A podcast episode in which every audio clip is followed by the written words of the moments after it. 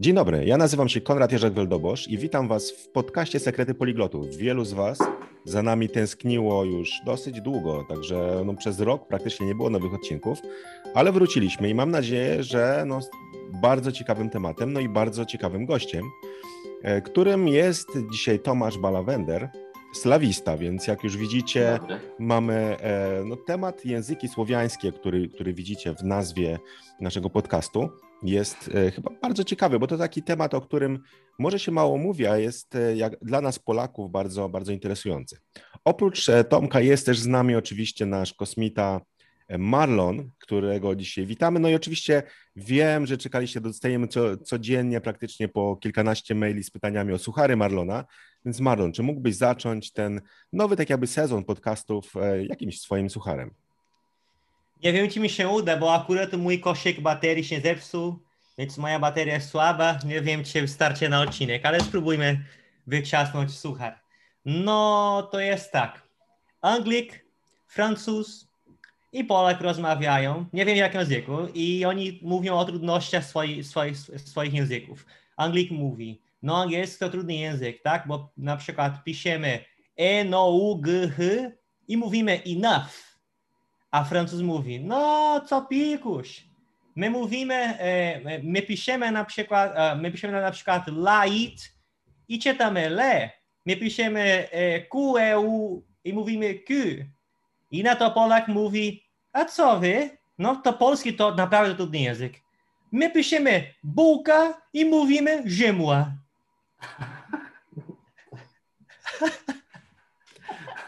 Dobrze, my, dziękujemy. My, my, piszemy Andrzej, a mówimy Jędruś.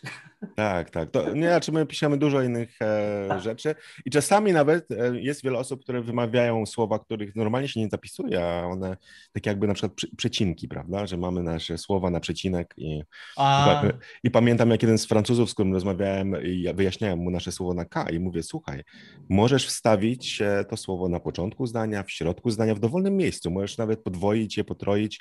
On, jak to niemożliwe? I tak mu się to słowo spodobało. On był takim twórcą komiksów. E, tworzył właśnie z jednym e, grafikiem komiks jakimś człowieku, który udał się do piekła, w, jakieś miasta spotykał i powiedział, że tak mu się to słowo na K spodobało, że na pewno jedną z postaci, bądź też jedno z miejsc w swoich komiksach nazwie w ten sposób. Także jeśli Oj. kiedyś natraficie na jakiś komiks francuski z dziwną nazwą na K, to być może jest właśnie inspirowany polskimi tutaj naszymi słowami. Ale przejdźmy do dzisiaj do tematu. Mówimy o językach słowiańskich. Ogólnie, e, Tomek, jesteś slawistą i mhm. e, masz, do, rozmawialiśmy tutaj przed tym podcastem, e, planując o czym porozmawiamy i tak dalej. Myślę, że no to, by, to by, nasza rozmowa to by moglibyśmy nagrać i mieć kolejny tak. odcinek. Natomiast powiedz, skąd taka fascynacja u ciebie językami słowiańskimi? No bo wiadomo, że większość ludzi uczy się angielskiego, czasami niemieckiego, francuskiego, hiszpańskiego, jest boom na jakieś języki też e, czasami egzotyczne, tak jak na przykład e, portugalski. Tutaj oczywiście o Marlonie nawet nie mówimy, jakich on języków się uczy teraz, bo no tutaj nawet większość z nas nie zna tych nazw tych języków.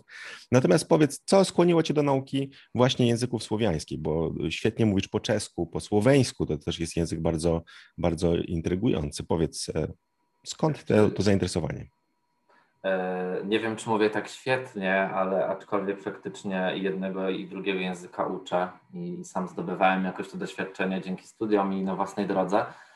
E, wiecie co, ze mną to było tak, że właściwie w, ja, ja chyba pamiętam szkołę podstawową, że generalnie interesowały mnie języki obce, wszystkie poza angielskim bo język angielski był w szkole, ja był jakby na co dzień, oczywiście też się go uczyłem i też, też w jakimś tam stopniu nim władam do dzisiaj, ale wtedy w telewizji polskiej leciał taki program, który się nazywał Europa da się lubić. I to było zaraz przed wejściem Polski do Unii. I prawdopodobnie celem tego programu było to, żeby, żebyśmy my Polacy po prostu poznali resztę Europy albo poznali bardziej trochę swoich sąsiadów. I tam była taka pani, ona się nazywała e, Martina Karlowa, z tego co pamiętam. No i e, ona opowiadała o tych Czechach dużo, potem był z nią jeszcze jakiś tydzień w telewizji śniadaniowej, wtedy były wakacje i było właśnie poznawanie Czechów i ich języka. I mi się tak bardzo spodobały te, te, te daszki, te kreseczki, te kółeczka w czeskim języku, Poprosiłem tatę, wtedy się też uczyłem już francuskiego w ogóle. E, e, poprosiłem tatę, żeby mi kupił jakieś rozmówki, a że moi rodzice w tych takich moich e, zainteresowaniach lingwistycznych, lingwistycznych to teraz, językowych wtedy, bo jeszcze nie wiedziałem, że to się tak nazywa, bardzo mnie wspierali, więc tato mi kupił te rozmówki i, i siedziałem z tymi rozmówkami i dajcie wiarę, że ja po prostu uczyłem się z tych rozmówek, bo wtedy chyba tylko to było w mojej części Polski, bo jestem z Podkarpacia, e, to było dostępne wtedy i po prostu sam siedziałem się, uczyłem tego języka i to e, jakby wzmagało we mnie zainteresowanie w ogóle kulturą Czech, mm, historią Czech. Potem już trafiałem, jak byłem starszy, na książki chociażby Mariusza Szczygła i na inną literaturę, a potem to jeszcze poszło w stronę, e, w stronę w ogóle zainteresowań slawistyką. E, i ostatecznie się skończyło na studiach slawistycznych w Warszawie, na Uniwersytecie Warszawskim, na slawistyce, ale kierunkiem moim e, głównym była słowenistyka, slawistyka, słowenistyka, czyli moim językiem był słoweński, a czeski miałem jako dodatkowy lektorat. Więc e, potem już zacząłem wyjeżdżać też na stypendia do Słowenii i, i wtedy jeszcze pewnie wie, zrozumiecie o czym mówię, albo słuchacze, którzy też uczą się jakiegoś języka, że wtedy, gdy odwiedza się jakiś kraj, w tym momencie to była Słowenia, oczywiście wcześniej jeszcze były Czechy z rodzicami, jakieś wakacje, tu też były stypendia jako dorosły człowiek, więc yy, wtedy się odnajduje ten sens tego wszystkiego, nauki tego języka. Więc dla mnie to było bardzo, yy, no to jest taki moje hobby, mój konik. Tak, ja myślę, ja myślę, że to, co mówisz właśnie o, tych, e, o tym wyjeździe, to co jest ciekawe, co często ludzie odczuwają, to fakt, że ten język, którego się uczymy, e, on żyje zupełnie innym życiem w tym kraju, w którym się nie tak. mówi, prawda? Czyli my uczymy się języka jakiegoś, który nam wydaje się, nawet, nawet znamy go dobrze. Pamiętam na jednym z, warsztatów była uczennica, która e, studiowała japonistykę chyba i e, pojechała do Japonii, praktycznie już no, no, bardzo dobrze mówiąc po japońsku, prawda, bo uczyła się przez kilka lat i mówi, że pierwszy tam tydzień, dwa, no to nie wiedziała, co się dzieje, prawda, bo tak, to też tak. zupełnie inny ten język, inaczej ci ludzie mówili. A jeśli chodzi o slawistykę, miałem też znajomego, który, który też kończył slawistykę i miał takie e, ciekawe wrażenie właśnie o języku czeskim, bo on mówił, mhm. że uczył się tego języka, po czym pojechał tam i okazało się, że ci Czesi zupełnie inaczej mówią, prawda? Czyli jest ten inny tak. trochę wariant mówiony języka czeskiego, a inny taki bardziej literacki i tak dalej. Więc jak nie, nie wiem, czy ty też miałeś takie wrażenie, czy miałeś jakieś doświadczenia z tym związane, bo to jest w ogóle ciekawy fenomen właśnie takich dwóch rejestrów językowych. Tutaj kiedyś Marlon też opowiada, że portugalski tak. w Brazylii podobnie funkcjonuje, ale jak to jest z tym mhm. czeskim? Z czeskim jest tak, że są dwa warianty faktycznie języka, bo jest ten język literacki, zwany po czesku spisowna cieścina. E, I to jest wariant, który został opracowany przez Czechów, no to jest XVIII-XIX wiek, kiedy było, było odrodzenie narodowe czeskie i wtedy rozpoczął między innymi Józef Dobrowski, to wszystko, który również współpracował ze Sla... wtedy jeszcze nie, bo on ustanowił jakby slawistykę jako naukę już, y, żeby się tego po prostu uczyć. To chodzi o różne koncepcje y, slawizmu, slawizmu tak zwanego. Mm, to nie będę o tym gadał, bo to nie o to chodzi, ale y, on bardzo współpracował z, już wtedy z slawistami na przykład słoweńskimi, bo w Słowenii też trwało odrodzenie mm, jakby języka, raczej tworzenie nawet w Słowenii. I współpracował również z polskimi slawistami, bo chodziło o panslawizm tak zwany. Słowianie jakby ze sobą wtedy powiedzmy współpracowali, bardzo upraszczam już teraz. Chociażby on też e, recenzował słownik pierwszy języka polskiego Samuela Linde. Dobrowski recenzował jego słownik. Jakby ten war, te dwa warianty, więc on, oni stworzyli ten język czeski, tą wersję taką do książek, no współcześnie już wiemy, że to są media, książki, gazety i tak dalej, i tak dalej, i tak dalej. Ale zanim oni to stworzyli, mm, no to czeski e, był używany na co dzień przez ludność. Został też bardzo z, e, jakby na marginesie, ponieważ e, tam przeważył niemiecki niemiecki, który po prostu po bit, bitwie na Białej Górze mm, stał się takim głównym, głównym językiem na terenach Królestwa Korony Czeskiej, bym powiedział. Więc czeski, który najpierw był na tym piedestale, potem został przez język niemiecki z tego piedestału zepchnięty i żył swoim życiem po prostu. Więc kiedy powstała jego literacka wersja, to oficjalna, no to ludzie jednak mówili tą swoją wersją dalej, nieoficjalną. I tak jest do dzisiaj. I ten drugi język nazywa się obecna cieślina, czyli język ogólny. I to można powiedzieć w dużym uproszczeniu, bo to jest, to nie jest tak jak dialekt, to nie jest do końca to. To jest jakby, mm, mm nie wiem, mam nadzieję, że mnie moi profesorowie nie zrugają z Uniwersytetu Warszawskiego. Druga ale warstwa, da się takie mówić. Tak, to takie jest... mówi, jak mówią Brazylii, takie druga warstwa tak, powiedzmy. Tak, tak, to jest jakby dialekt języka literackiego. O, tak bym jeszcze powiedział. Coś, coś takiego. To jest dosyć to jest zjawisko, którego w Polsce w ogóle nie rozumiemy, jest nam obce, tak. bo w ogóle... Ja rozumiem, nas... bo w Brazylii to tak to tak. jest sytuacja, ale ja, tak. ja mówię inaczej, że ta wersja literacja to, to jest dialekt naszej wersji mówionej. No tak. No, bo, bo, no. bo powstała jako, jako tak, drugi, tak drugoziennie. Wi mhm. Wiadomo, że tak nie mówimy, bo tak fachowcy, językoznawcy to tak nie uważają to za elegancko, ale Mhm. I przynajmniej w Brazylii ja tak sądzę, że to jest taki dialekt, to jest ta wersja pisemna, nie? Bo tak, I nawet są ludzie w Brazylii, którzy do dzisiaj nie piszą i radzą sobie bez, bez umienia tak, czytania tak, pisania. Tak. Nie chodzi o to, że mówi, że to jest potrzebne i mhm. fajnie, piękne, to szkoda, ktoś nie umie, mhm. ale dużo ludzi nas nie umie i radzi sobie bez tego, nie? Mhm. Tak, no to właśnie to na tym polega. Ten literacki to są media, gazety, no to media, gazety, no to wiadomo. To są książki, to jest język kultury, ale ten e, język potoczny, już go nazwę tak po polsku, tą obecną, e, nawet bohemiści albo slawici między sobą mówią o tej drugiej wersji języka czeskiego, że to jest obecna, po prostu się na nią mówią, na, na, na nią się mówi, to ona również wchodzi już do mediów. Nią też się pisze, zaczęło się pisać książki, które zdobywają e, nagrody w Czechach, tak? Więc to jest, to jest ten język, który skraca dystans między rozmówcami on jakby u nas, u, no nie, u nas nie ma takiego zjawiska. Nie, nie ma, nie ma. Ja nie, rozumiem nie ma doskonale, bo ciężko Brazylii, to przełożyć. W Brazylii tak. jest dokładnie ta sama sytuacja, rozumiem doskonale o co chodzi. Ale to jest bardziej niż język e, potoczny. Ja, ja chcę, żeby drodzy e, widzowie, ci, którzy nas słuchają, rozumieli, mm. że to nie jest, że to jest język potoczny. Zaraz nasz kolega tak. poda jakiś przykład taki bardzo, -hmm. powiedzmy, skrajny, Gdybyś mógł wybrać taki przykład, który bardzo podkreśla, jakie są różnice, to by było fajnie, bo naprawdę to tak, mhm. ja rozumiem, jeżeli to jest trochę, trochę jako w Brazylii, nawet gramatyka się zmienia. Nie chodzi mi o to, że mhm. ktoś mówi, dam tu bardzo uproszczony przykład po polsku, jeden mówi porozmawiać, rozmawiać, a, a drugi mhm. mówić pogadać, pogawędzić. Może rejestr trochę się zmienia, ale to jest mhm. coś większego niż to, nie? Gramatyka może się zmienić całkowicie, nie? Mhm. Właśnie, e, właśnie cieszy mnie, że powiedziałeś to, że to też nie jest język potoczny, bo to też, e, też o to chodzi, bo jakby w czeskim też jest język potoczny, ale to nie jest ten język ta obecna, o której ja mówię, bo to też jest e, inny wariant. Um, dlatego ciężko opowiadać o tym na gruncie polskim, bo my czegoś tego nie mamy, bo mamy raczej tak. literacki, dialekty, jakieś gwary i potoczny, tak mniej więcej, bardzo teraz upraszczam. Tak jest. Natomiast tam jest jeszcze ten wariant, więc Różnice są przede wszystkim, e, różnice są w wymowie.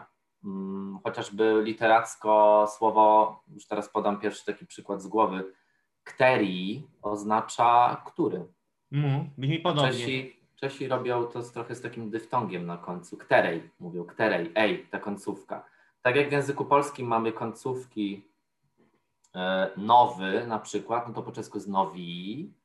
E, musiałbym to pokazać bardziej na piśmie. W każdym razie jest nowy, na przykład nowe, e, tak jak jest w języku polskim, ale Czesi tą końcówkę jakby nowi i dodają do każdego rodzaju. Nowi, nowi dum, e, nowi mniesto zamiast nowe mniesto. E, jakby tą końcówkę cały czas zostaje w tym samym miejscu. To są również różnice w przymiotnikach, są też słownictwo jest na przykład, chociażby chociażby na przykład słowo nemocnice, które oznacza szpital w języku literackim, ale w obecnej używane jest po prostu szpital.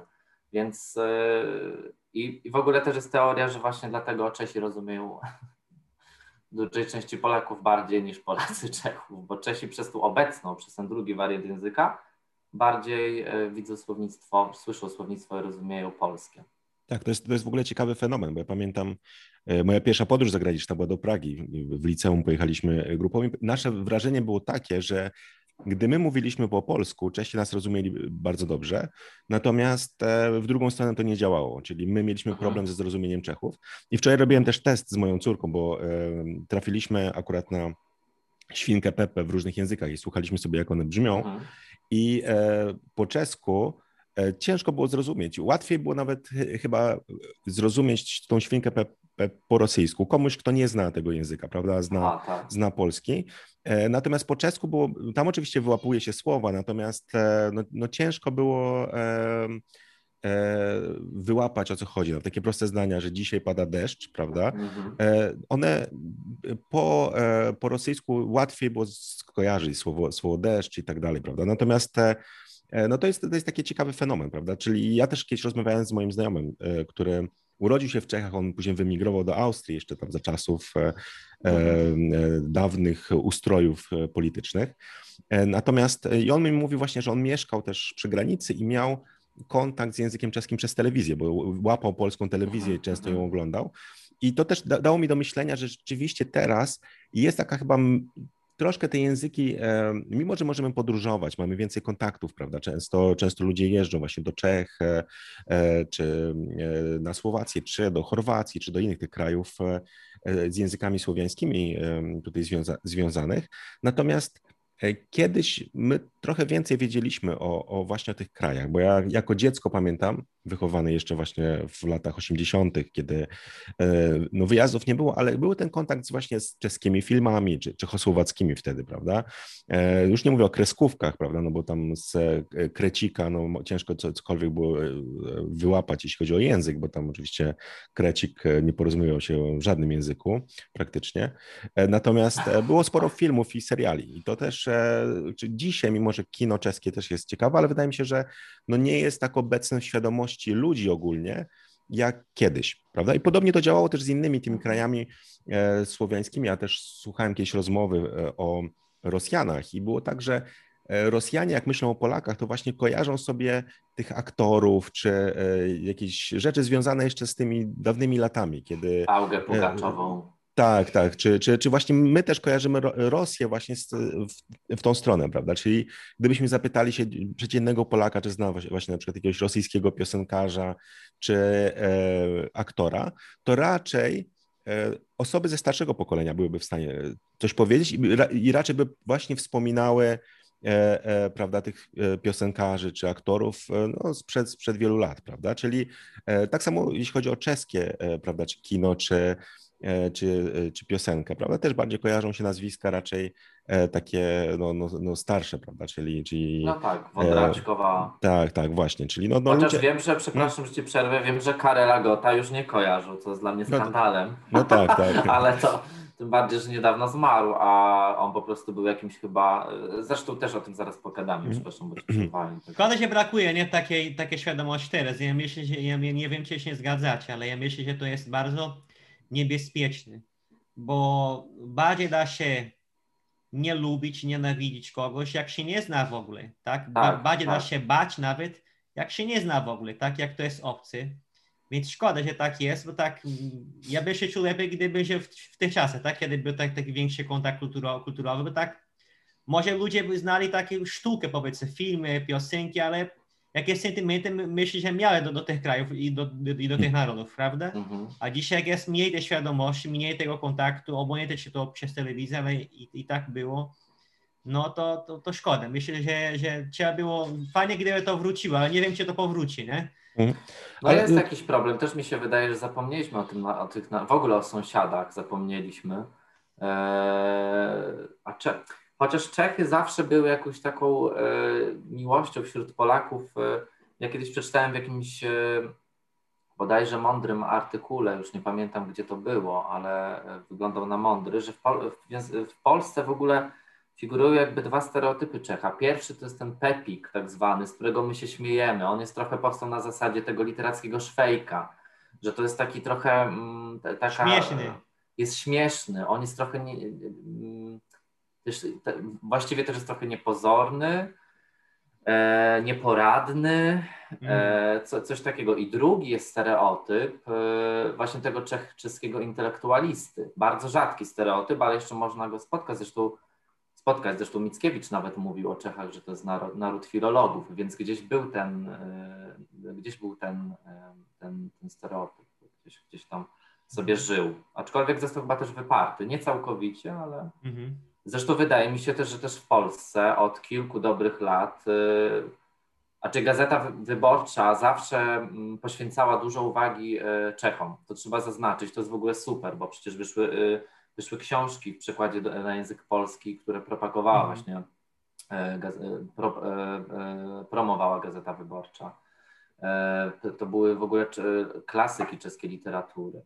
Wyszedł też przekład Karela Czapka, w którym został, został Czapek wymyślił przecież międzynarodowe słowo robot, które mm. pochodzi z języka czeskiego i weszło do, do wszystkich języków właściwie. Czy nie wiem, czy do wszystkich, no ale przynajmniej tych europejskich, czy, czy pochodzenia europejskiego. Um, więc są te dwa te stereotypy Czechów faktycznie, ale gdzieś ginie ta taka wiedza, nie interesujemy się już tym. Y, być może to się kojarzy z poprzednim systemem, nie mam pojęcia. To są albo z tym hmm. też kompleksem wyższości trochę, właściwie wyższości, niższości. Nie mam pojęcia. Moglibyśmy o tym pewnie nagrać e, inny podcast, mm. bo to są już hmm. rozmowy, rozmowy bardzo, bardzo takie. Nie, no, natomiast to, to, co, to, co mówisz, jest ciekawe rzeczywiście. Ja bym powiedział, że e, takie pytanie do naszych słuchaczy też, żeby sobie zastanowili się w głowie właśnie, z czym się im kojarzy Czech, tak. jakie właśnie, czy mają jakieś stereotypy. Tak, ja bym powiedział właśnie, że to, co ty podałeś, to też jest e, powiedziałbym takie starsze pokolenie, które miało więcej kontaktu z Czechami, prawda, z tą mhm. literaturą, z filmami. E, młodsze pokolenie może nawet nie wiedzieć, kim jest Wojak Szwejk, prawda, więc, e, więc też e, to jest, to jest takie ciekawe i myślę, że wiele osób właśnie ma takie neutralne podejście. Może ludzie, którzy na przykład pracują w korporacjach, bo widzę, że jest sporo właśnie interakcji między, między Czechami, tak, e, e, Polakami, to wtedy można, ja pamiętam też taką, taką anegdotę tutaj, jak mówiłeś o tych stereotypach, że jest taka właśnie różnica. Mówiłeś o tym, o tym że my się wywyższamy, prawda? I mhm. ja pamiętam, że byłem na takim spotkaniu właśnie biznesowym, gdzie ludzie tam z, e, z Pragi, z Bratysławy, z, z Rumunii chyba też przyjeżdżali i rozmawialiśmy właśnie o tym, na przykład, jakie są silne strony każdego miasta, jeśli chodzi o rozwój biznesu, prawda, i, i mhm. tak dalej.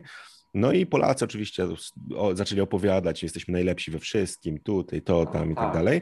Natomiast Czesi jako swoje silne strony E, zaczęli mówić brak tego, brak tego, brak tego. I tam ten e, właśnie jakiś menedżer mówi, jak to, znaczy wszystkiego wam brakuje, że jesteście tacy negatywni. W końcu był jeden pozytywny e, tam Czech, który mówi, no ja powiem coś pozytywnego, ale proszę pamiętać, że ja nie jestem Czechem, tylko jestem Grekiem, który tutaj mieszka, więc ja jestem jedynym, który nie jest negatywnie nastawiony do nas samych.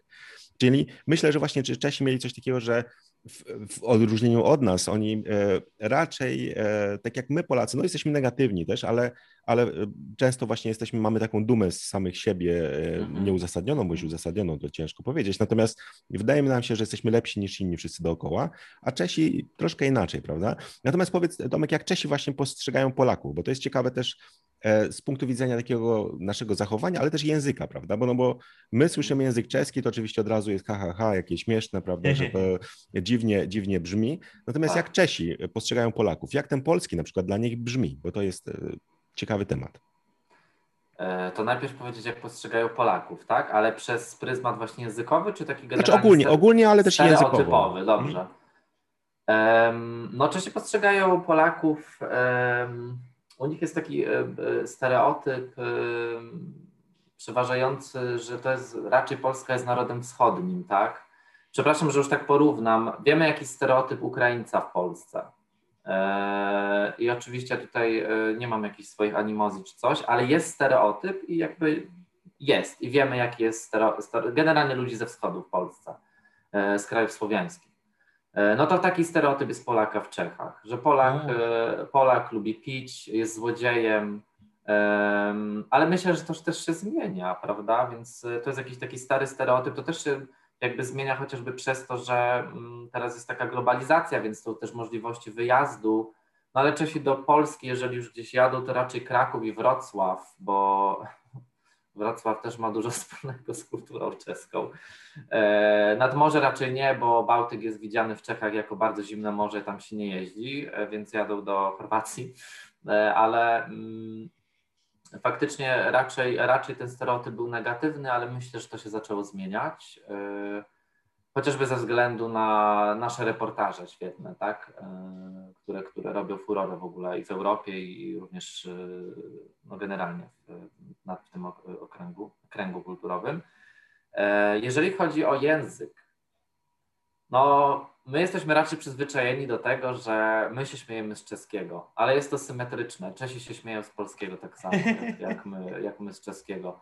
Oni raczej widzą język polski jako taki język, który jest bardzo analityczny, że my na jedno słowo potrzebujemy trzech słów. Y, oni mają jedno słowo, które zazwyczaj nas śmieszy, bo jest krótkie, ale my też wiemy o co chodzi, bo tworzy nam asocjacje przecież. Y, natomiast y, też się śmieją, też się śmieją z polskiego w szczególności z naszego słowa e, szukać, które jest wulgaryzmem w języku czeskim, ale to nie będę mówił, może tutaj to sobie mhm. słuchacze. Zresztą to jest tak już, już, przegadany temat, że myślę, że każdy, każdy coś o tym słyszał albo sobie po prostu znajdzie, ale do e, rangi anegdoty, e, anegdot już doszły, doszły spotkania Polaków w restauracjach w Pradze, gdzie Polacy na przykład mówili, że szukają marketu, tak? E, szukać, a marketa to my, my szukaliśmy sklepu Polacy, a Czesi po prostu marketa to jest imię żeńskie, więc chodziło o zupełnie co innego.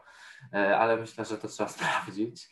Jest dużo, dużo słów, które nas śmieszą, bo oczywiście każdy język ma swoje zasady fonetyczne. Jeżeli nawet Czesi przejmowali coś z niemieckiego chociażby, to przez to, jakie, jakie E, jakie zasady ma język czeski, te słowa zmieniały się troszkę na inne. Jest na przykład takie słowo w czeskim jepciszka, które oznacza zakonnicę, które Polaków też bardzo śmieszy, ale ono przez łacinę i prze, z łaciny przez niemiecki, ulegając wszystkim prawom fonetycznym języka czeskiego, zmieniło właśnie się w taką, w taką e, jepciszkę, która strasznie Polaków śmieszy. Jepciszkę.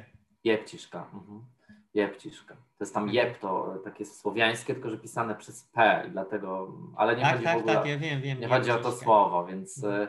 e, więc czeski generalnie Polaków śmieszy, polski też e, śmieszy Czechów, więc e, wygląda to, jest to symetryczne faktycznie. Tak, są, mamy... jakieś są jakieś opinie, że ponoć Polacy bardziej, ale właściwie tu trzeba było sobie zadać pytanie, czy to jest wymierne, no bo tu też wchodzi poczucie humoru i tak dalej, i tak dalej, skumanie niektórych, przepraszam, rozumienie niektórych rzeczy. E, kontekst kulturowy, przecież tego jest od groma, więc może myślę, że Polaków śmieszy tych, którzy jakby nie znają języka czeskiego i nie interesują się Czechami, ale wiele razy też słyszałem właśnie, że ci Polacy się obrażali, ale jak to? To Polski też was śmieszy do Czechów, hmm. więc tak, tak, Czechów też śmieszy Polski. Nie, tak. na przykład taki przykład to jest e, właśnie słowo samolot, prawda, które... Tak, samolot, samochód ta, też. Tak, tak i natomiast e, czeska wersja letadlo, letadlo. E, tak, tak, że, że jako latadło, prawda, po polsku, tak, to tak, dla nas jest śmieszne, a dla nich mówią samolot, jak to, że sam lata, czy coś tam, nie? więc, tak, więc mamy, mamy fantastyczne tutaj, że je, to samo słowo śmieszy nas w obu językach, prawda, więc, więc jest, to, jest to ciekawe. A powiedz mi, tak mówimy o tym czeskim, prawda, o tym, że, że jest to język taki mniej popularny, ale czy warto w ogóle się go uczyć? Bo często ja widzę e, e, w, na, na przykład w różnych tam jakichś postach i tak dalej, jak mówię o jakimś rzadszym języku, takim mniej popularnym, no to od mhm. razu mam milion komentarzy, ale po co się tego uczyć? To w ogóle tam jakieś hmm. tylko kilka milionów osób tym mówi, no to język bez sensu. Powiedz, powiedz z twojej perspektywy, czy, czy rzeczywiście warto, e, czy, czy może nie? Słuchajcie, to znaczy jakby ta perspektywa tego, czy jakiś język jest rzadko, w ogóle nie jest popularny w Polsce, to się zmienia, jak się dotknie jeszcze języka, który jest mniej popularny niż język czeski, naprawdę. Ja jeszcze mówię po słoweńsku, to jest język południowo-słowiański, to jest w ogóle moja pierwsza miłość e, taka językowa i chciałbym również, żebyśmy jakoś o nim też pogadali dzisiaj. Tak, ja e... lubię. Ja, ja lubię. Ja kiedyś się zastanawiam, a cię się nie uczę, bo e, ja znam, ja znam serbski i widzę podobieństwa. Tak, tak, oczywiście, oczywiście. Widzę więcej e... podobieństw między e, słoweńskim a serbskim niż mhm. serbskim, rosyjskim i polskim, powiedzmy, nie? Tak, tak. Tylko, że jakby wracając z mojej perspektywy wynika, że dla mnie czeski jest wbrew pozorom, dla mnie, dlatego że znam inne języki słowiańskie, które są mniej popularne i też to trochę jest e, taka, no powiedzmy, niepopularna dziedzina. To dla mnie czeski właśnie jest popularny w Polsce, bo my mamy naprawdę duży dostęp do tej literatury, do, te, do, hmm do tego wszystkiego, co wcześniej powiedziałem. I materiały są dostępne. Tak, są materiały w ogóle, tego jest dużo. Ja kojarzę, ja kojarzę. Tak. Ja, ja, co, ja co, co druga rozmowa słyszę, słyszę coś o Czechach, nie? Tak, jest. Ja nawet mówię, niektóre jest, słowa jest, czeskie znam, gdzieś... bo się mhm. nauczyłem mimowolnie, jak to ludzie rozmawiają, ale słowienie, słowiańskie to i słowiańskie tak. to jeszcze rzadsze, rzadko tak, tak. spotkane, tak. nie? I przez to Wam powiem, że to jest trochę, to jest trochę tak, jakby ta, właśnie ta niepopularność była na granicy takiej właśnie trochę popularności i niepopularności tego czeskiego. I to jednocześnie oznacza, że warto się go uczyć, bo to jest tak, że jest duże zapotrzebowanie i naprawdę ja pracuję z językiem czeskim od jakichś dobrych, tak już no jeszcze na studiach pracowałem, bo uczyłem tam jakiś podstaw języka, pamiętam w banku. Um, a potem już jakoś tam szło swoją drogą. Teraz już pracuję w dużej firmie. E, Ale biznesy są, nie? Widzę, że relacje tak. biznesowe są bardzo tak, mocne są, między są, Czechami są. a Polską. Ja pamiętam, nawet miałem taką dużą grupę Polaków do uczenia w banku, e, więc muszą być tam jakieś e, korelacje po prostu, mhm. bo biznesy są faktycznie.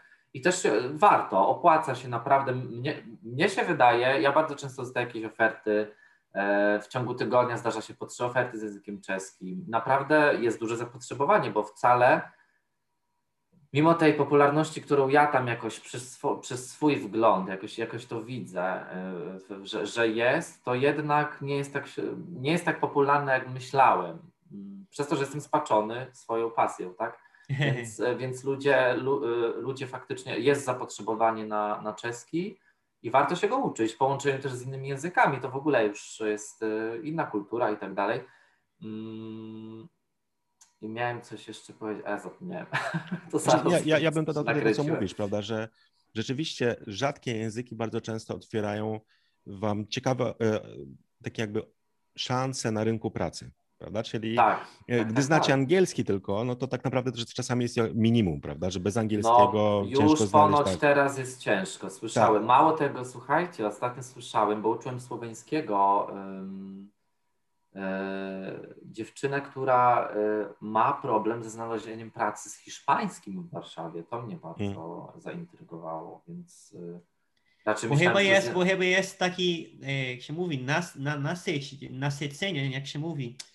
Prze jest... Nasycenie, dobrze, przesycenie, tak. Tak, tak, bo chyba jest to. Wydaje mi się, że coraz więcej ludzi umie, nie? Mhm. Tak, tak, tak. Tak, natomiast ja chciałem dodać tutaj właśnie, jeśli chodzi o, o, o, ten czeski i te inne języki słowiańskie, ja myślę, że dla Polaków to jest też taka ciekawa szansa, bo te języki nie są wbrew pozorom bardzo trudne dla nas, prawda? Czyli opanować biernie język można bardzo szybko, bo, bo często jest tak jak, tak, jak mówimy właśnie, że niektóre słowa można wyłapać, że my na przykład Czechów nie za bardzo e, rozumiemy, gdy, gdy powiedzmy ich słuchamy, nie znamy tego języka. Natomiast gdy zaczniecie się uczyć czeskiego, to nagle się okaże, że zaczniecie sobie radzić też z rozumieniem ich, prawda? Bo tak, e, wystarczy tak. wyłapać jakieś podstawowe różnice, których też tak dużo nie ma tak naprawdę. Jak my mhm. na przykład mamy, mamy kurs języka rosyjskiego, to generalnie gdy ja dodaję różne komentarze, wyjaśnienia, to zakładam, e, że musimy się skupić na tym, co jest różnicą, prawda? Czyli są drobne różnice, na przykład jeśli chodzi o wymowę czeskiego, prawda? Tutaj słyszeliście, że są te długie samogłoski na przykład, niektóre tak, słowa.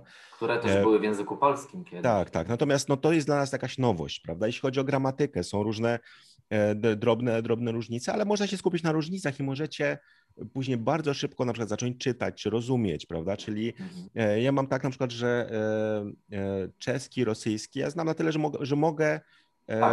sobie mhm. spokojnie na przykład oglądać coś w tym, w tym języku i, mhm. i rozumieć. Nie wszystko, ale, ale bardzo dużo. Mimo, że na przykład z mówieniem mam większy problem, prawda, bo, bo mam mniejsze doświadczenie. A już ciekawe jest słowacki, prawda? Jak nauczycie się czeskiego, doznając tak. polski i czeski, to słowacki tak. macie za darmo tak naprawdę, bo będziecie rozumieć, jest ten język, który jest między, między nimi. Podobnie jeśli znacie polski i rosyjski, będziecie rozumieć bardzo dużo języka ukraińskiego, który jest tak pomiędzy i tutaj Ukraińcy zawsze narzekają, że Rosjanie mówią, a wy jesteście Polacy, prawda, bo brzmicie jak Polacy, a Polacy mówią, wy brzmicie jak Rosjanie, prawda, więc jesteście Rosjanami, więc oni są tak, tak pomiędzy to, tymi... Tak, to są, też, to są też te zależności niesamowite, jak Słowianie postrzegają swoje języki za granicą, jak słyszą inny język e, właśnie słowiański, którego nie znają, chociażby i oceniają go przez to, że dla nich jakoś to brzmi znajomo, tak? Więc y, to też, też jest niesamowite. A już wiem, co miałem powiedzieć, przepraszam. Jeszcze miałem powiedzieć, czy warto z językiem czeskim. Na przykład, jak ktoś chce się, e, chce być bardzo oryginalny, ale mu to nie wychodzi, to wystarczy, że w towarzystwie powie, że mówi po czesku, to gwarantuje 100% e, ktoś się zainteresuje. Jak to i w ogóle? I wtedy, wtedy padają zawsze takie słynne słowa, powiedz coś po czesku, nawet się tak nazywa książka, mogę pokazać, nie wiem, czy będzie widać, profesora e, wybitnego bohemisty Jacka Balucha z Uniwersytetu Jagiellońskiego, który wydał taką książkę właśnie nie pisaną bardzo uczenie, ale e, taka popularna naukowa po prostu, jest świetna, więc polecam chociażby takie. I właśnie to jest to, o czym mówiliśmy, że jest zainteresowanie, nie wiem, czy widać, bo jakoś mi tu Słuchajcie, o teraz tak, widać. Widać, tak. tak. E, jest. To, to jest jakby, tak, to jest, aha, bo i tak jest odwrócone. Tak, powiedz coś po ciesku, widzę. Mhm. Tak. E, słuchaj, igraszki językowo-literackie to się nazywa również. E, I to jest jakby dowód na to, że istnieje literatura w Polsce, popularno-naukowa, która jakby nasyca tą potrzebę mm, tego języka czeskiego właśnie, a na przykład nie ma takiej literatury po, o, o słowenskim. Mhm. O serbski też, też nie za bardzo. Ja, ja mówię mhm. tutaj z pewnością. Tak, znaczy tak. Ja, ja, myślę, że właśnie jeśli chodzi o naukę tych języków słowiańskich, to w Polsce oczywiście mamy bardzo dużo materiału do rosyjskiego, to jest najpopularniejszy. Na drugim o, miejscu tak. myślę, myślę, że tak. będzie czeski. Natomiast pozostałe języki, no już to jest ciężko. I tutaj może o słowiańskim porozmawiajmy. Ja, ja się przyznam, że miałem jeden kontakt e, już dawno temu. Poznałem e, chłopaka, który był pół Słoweńcem, pół, e, pół Polakiem. Mhm. No i mieliśmy zainteresowanie piłką nożną i tak dalej. On był w Warszawie akurat na jakimś obozie językowym z języka polskiego. No i zaczęliśmy rozmawiać. On opowiadał mi trochę o Słowenii. Mówi, że to jest, że my jesteśmy takim małym krajem, ale w którym znajdziecie wszystko. To jest przepiękny kraj, są, góry, jest morze, prawda? Oczywiście, e, czyli, czyli tak naprawdę no, żyć, nie umierać niby. A język jest o tyle ciekawy, że rzeczywiście to jest e, tak, jak mieliśmy dawną Jugosławię, prawda? Czyli tam no, budowano ten język serbsko-chorwacki, tak jakby tak. łącząc. Tak. Teraz znów następuje takie rozłączenie tych języków tam. Tak, tak w, w zupełnie. Tak, tak. Natomiast były takie języki na północy słoweński, na południu macedoński, które były troszeczkę, troszeczkę inne właśnie. No i ten słoweński, ten mój znajomy mi opowiedział właśnie, taka jedna z ciekawostek wielkich to jest to, że to jest jeden z tych nielicznych języków słowiańskich, który zachował liczbę podwójną. Prawda? My tak, liczbę... Tak. Zmora wszystkich studentów albo uczniów. Mhm. Tak, tak. Natomiast, żeby wyjaśnić, bo to myślę, że nasi słuchacze mogą nie wiedzieć, prawda, jeśli nie, nie znają języków, które mają liczbę podwójną, mhm. e, my mamy e, e, tę liczbę zachowaną w, w kilku słowach. Tak jakieś przysłowia są pojedyncze. Tak, tak. albo, niektóre, albo niektóre słowa, tak jak na przykład e, uszu, oczu, tak, takie tak, formy, to są tak, podwójne. Tak, ale mamy też... Mamy w rynku. Też języku, tak, mamy też w języku polskim e, takie przysłowie, mądrej głowie dość dwie słowie. Mhm. Więc y, mądrej głowie wystarczy dwa słowa. To dwie słowie to jest y, jeszcze jakaś tam stara, zachowana liczba podwójna. Mhm. Tak, tak jest. Na, na, natomiast to też działa w ten sposób, że no my jeśli chcemy powiedzieć, że są dwie rzeczy jakieś, to tak. musimy użyć tego liczebnika dwa, dwie i tak dalej. Natomiast mhm. mamy, i tutaj do, dobre słowo takie, które pokażę wam, to jest oko, prawda? Bo mamy oko i liczba mnoga jest oczy, prawda? I oczy znaczy dwoje oczu tak naprawdę. Natomiast mamy w rosole, e, mamy też oka, prawda? Czyli mamy oko w liczbie mnogiej. No i tutaj, e, tutaj ktoś, jeśli zna na przykład Mikołajka, gdzie był ten słynny rosół, który mówił spójrz mi w oczy, a w rosole są oka. Po francusku akurat tutaj e, w oryginale e, było bardzo, bardzo ciekawie, bo to, to samo słowo, po polsku już tu musimy kombinować, czy są oczy, oka, no ale to oczy samo, prawda, czyli nie trzeba powiedzieć dwoje oczu, teraz musimy powiedzieć, natomiast w staropolskim, gdy się mówi o oczy, to wiadomo było, że chodzi właśnie o parę oczu, tak samo uszy, prawda? Czyli te, te y, części ciała, które są podwójne, one zachowały tą liczbę podwójną, ale one tak mhm. naprawdę mają już funkcję liczby mnogiej, prawda? Czyli to jest taka nieregularna liczba mnoga. Natomiast w wielu językach, e, przykład arabski i tak dalej, ta liczba podwójna się zachowała. Czyli jeśli mówimy o dwóch e, osobach, które mhm. e, w liczbie mnogiej, czy przedmiotach, czy zwierzętach, czy jakieś, używamy właśnie liczby podwójnej. Nie musimy dodawać już wtedy słowa dwa, bo wtedy mhm. od razu z, z brzmienia tak. tego słowa mhm. e, wiadomo, że, że e, e, no jest to liczba podwójna, czyli dwie, dwie rzeczy, czy dwie, dwa egzemplarze dane, dane, danej rzeczy. Ale powiedz mi jeszcze, co jest ciekawego w, w, języku słoweńskim, bo na pewno ta liczba podwójna to jest taka ciekawostka, ale czy coś jest jeszcze takiego, co ciebie zaskoczyło, gdy pojechałeś do Słowenii i miałeś ten kontakt z, z językiem tam na miejscu? Aha, jak miałem kontakt, bo chciałem jeszcze powiedzieć, że słoweński ma, również zachował dużo odmiany takie prasłowiańskie, mhm. w ogóle. I wymowa na pewno jest bardzo ciekawa, nie? Słyszałeś, że ta, ta wymowa jest e, po prostu, po prostu zapomniałem, jak się mówi ten pitch accent, bo o to chodzi, że to jest taka jest wymowa u nich, nie? Pitch accent. Taka... Tobie chodzi chyba o e, akutowy akcent, on Takie coś, tak? że, że, że Tak. Nie, nie ma tak jak powiedziałeś, że jest mocna sylaba, a podkreślona sylaba, Aha. jakby tak jak u was zawsze przedostatnia, są jakby melodie, takie intonacje, tak? Tak, I, tak. dlatego my bardzo melodyjnie, trochę śpiewająco brzmi jak ktoś mówi, nie? Tak, tak. Znaczy w ogóle Słoweńcy postrzegają język polski, akcent nasz, yy, jeżeli właśnie przy, nie mamy śpiewnego akcentu, więc ja pamiętam takie porównanie, że tak, ktoś mi kiedyś powiedział, że e, tak jakbyśmy cieli kiełbasę na równo. Wiecie, że cyk, cyk. Oni faktycznie śpiewają, oni śpiewają, ale to też za, za, zależy od regionu i właśnie to jest to, co o czym należy wspomnieć w kontakcie z ludźmi, jak tam siedziałem na stypendiach, to jest e, ze Słoweńcami oczywiście, czyli podział dialektalny. Język słoweński jest najbardziej zdialektyzowanym językiem słowiańskim, mimo No tego, właśnie. że mówi nim jakieś 2 miliony ludzi. E, chociaż ponoć to jest wersja, którą, bo jestem idealistą, więc moja lektorka zawsze mówiła, że idealizuje, że nawet tylu ludzi w Słowenii nie ma, ale no nie wiem, może, Czyli może dwa jednak. miliony dal- dialektów, tak? Jest- Tak, e, więc e, tak, więc tak. I coś w tym jest, co teraz powiedziałeś, bo generalnie oficjalnie można mówić, że w literaturze jakiejś tam fachowej jest napisane, że tych dialektów jest chyba, o ile mnie pamięć nie myli, to jest ze 46, tak? E, Ale w Słowenii jest takie powiedzenie po słoweńsku, że usaka was i ma swój glas, czyli każda wieś mówi po swojemu. I naprawdę, słuchajcie, to są odległości 15 kilometrów, bo to przez, przecież to jest kraj górzysty. Mm, To jest mały kraj wielkich odległości, jak ktoś to kiedyś powiedział. E, I to jest, to jest, to jest różnica 15-10 kilometrów między miejscowościami, które po prostu z jakichś tam, jakby, nie wiem jak to powiedzieć, ale jakby należały do innych grup e, dialektalnych, ale słoweńskiego. I oni już między sobą mówią inaczej. E, Z tego co pamiętam, jeszcze chyba północ i południe Lublany, e, stolicy, która przecież nie jest za wielkim jakimś europejskim miastem, bo to jest miasto, w którym mieszka oficjalnie 300 tysięcy ludzi, już się teraz mówisz, tam jest jedna czwarta Słowenii, czyli pół miliona.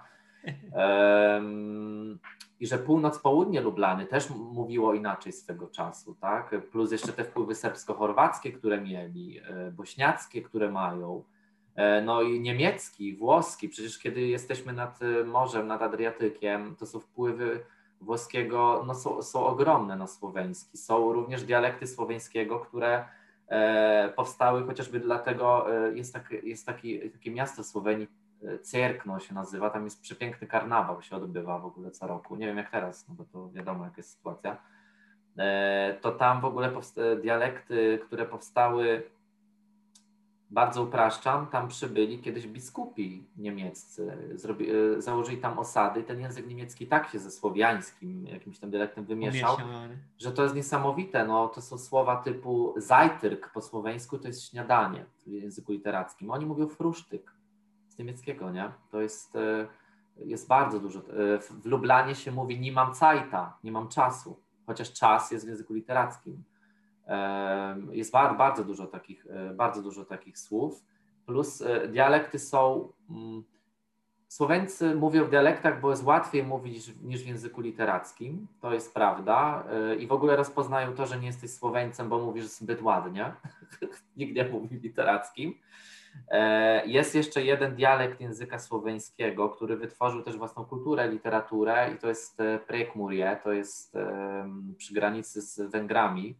I ten dialekt jest tak trudny, ja nie wiem, no ja tak, aż tak się nie znam. Dla mnie to jest inny język. Słoweńcy, z którymi mieszkałem w akademiku, mówili, bo mieliśmy kole, koleżankę z, z, tak, z Prekmuria, która jak mówiła w swoim dialekcie do nich, to oni powiedzieli mi potem, że to jest tak jak my, Polacy, sobie gadamy po polsku przy nich. W sensie, oni coś tam rozumieją, ale to są ogromne wpływy. Oni mają umlauty w ogóle w, w swoim zapisie. Mają dużo e, w, e, madziaryzmów, dużo mają e, germanizmów. Jakby dialekty słoweńskie, generalnie to jest właśnie ta mieszanka słowiańskości, mm, z wpływy... sąsiadami.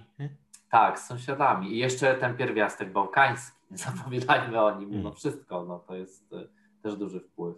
Natomiast jak mówisz o tych dialektach, to myślę, że to jest druga rzecz, e, tak jak mówiliśmy o tych rejestrach tego języka, prawda, w czeskim, to dialekty to jest kolejna rzecz, którą coraz słabiej my czujemy jako Polacy, prawda? Bo ten język e, polski, tak, w którym tak, też tak. mieliśmy mnóstwo dialektów, wariantów, on strasznie zaczął się, e, powiedzmy, e, zmieniać w stronę właśnie takiego ujednolicenia. Czyli dzisiaj, gdy na przykład mnie słuchacie, no to nie do końca możecie zorientować się, z jakiego regionu ja jestem, prawda? Czy w jakim się tak. wychowałem i tak dalej. Mhm. Kiedyś to było bez, bez żadnego problemu, prawda? Można było usłyszeć kogoś i e, no ja akurat tutaj e, mieszkam pod Ale Warszawą. Ja ludzi ze wschodu hmm? słyszę czasami. Tak, ze, ze, ze, wschodu tak. Jeszcze są takie regiony, gdzie to jest zachowane, ale na przykład jak posłuchamy, tutaj mówię, nie wiem, jedno, dwa zdania, E, gdy usłyszymy kogoś z Łodzi, Poznania, tak. Mhm. Warszawy, Krakowa, bardzo często nie, nie będziemy słyszeli, czy Gdańska i tak dalej, już nie mówiąc o tych regionach, powiedzmy takie jak Wrocław, prawda, czy te ziemie tak zwane odzyskane, prawda, gdzie,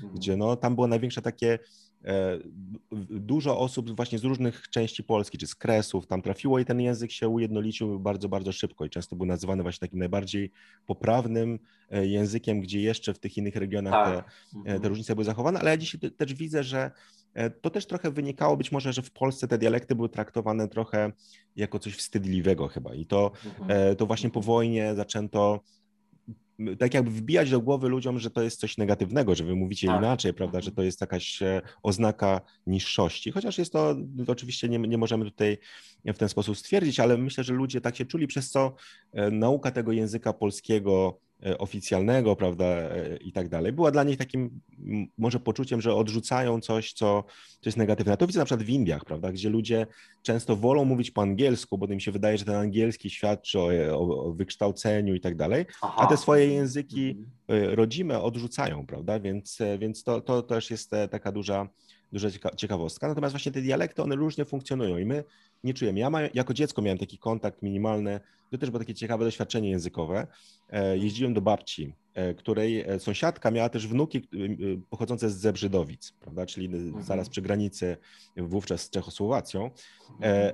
I te dzieciaki, to dwóch braci, którzy mniej więcej w moim wieku przyjeżdżały i oni mówili tylko i wyłącznie po śląsku, prawda? I ja rozumiałem ich tak pół na pół, prawda? Coś tam jest E, rozumiałem, prawda? Natomiast e, no to było takie doświadczenie właśnie, że oni mówią zupełnie inaczej, pochodzą z innego regionu, jesteśmy z tego samego kraju tak naprawdę, a jednak mamy problem z tym, żeby się dogadać, prawda? Dzisiaj już takich problemów za bardzo nie ma, prawda? Więc e, zupełnie inaczej to funkcjonuje, a oni nie byli w stanie mówić po polsku wtedy jeszcze, prawda, jako, jako dzieci, bo oni przyzwyczajeni byli tylko do rozmowy właśnie w swojej rodzinie w, po śląsku, więc no, ten język polski, który dzisiaj na przykład jak rozmawiam z, ze znajomymi, którzy, e, miałem znajomą, która mówiła właśnie, że ona w domu rozmawia po śląsku, ale jak ja z nią rozmawiałem w życiu, by nie powiedział, że ona jest e, z tamtego regionu, bo no, mówiła świetnie po polsku, tak jak każdy z nas, prawda, więc, e, więc no, mhm. no, no to jest właśnie ta różnica, że nie da się wychwycić tak łatwo, że jeszcze są jakieś tam naleciałości, ale to nie jest tak jak kiedyś, tak jak przed wojną, prawda? Tak jak mówiłeś o tych odległościach.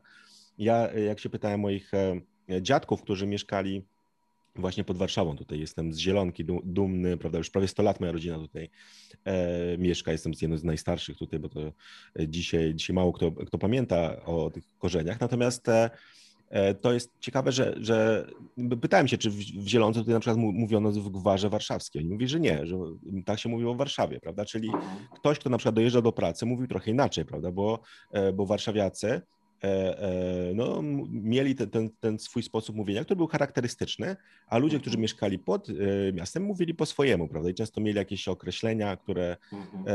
no, no, no, były czasami ciężej, można jakieś słowa, których, których inni mogli nie rozumieć. Ale to było ciekawe właśnie takie, że no wystarczyło mieszkać 20 kilometrów dalej i, i, ludzie mówili inaczej, prawda? Teraz tego nie ma, no więc, e, więc to jest, jest to... Mhm. To jest w ogóle bardzo ciekawe zjawisko. E, a propos tej gwary warszawskiej, o której mówisz, to, to w ogóle było jeszcze tym bardziej zróżnicowane, że na przykład Praga mówiła inaczej niż Wola mhm. E, przed, przed wojną drugą naszą światową. E, faktycznie były te duże różnice. Z tego co wiem, e, bo mam też znajomych, e, też właśnie rodzimych warszawiaków, to na przykład ich dziadkowie już po wojnie nie mówili gwaru, bo też to uchodziło właśnie za coś gorszego.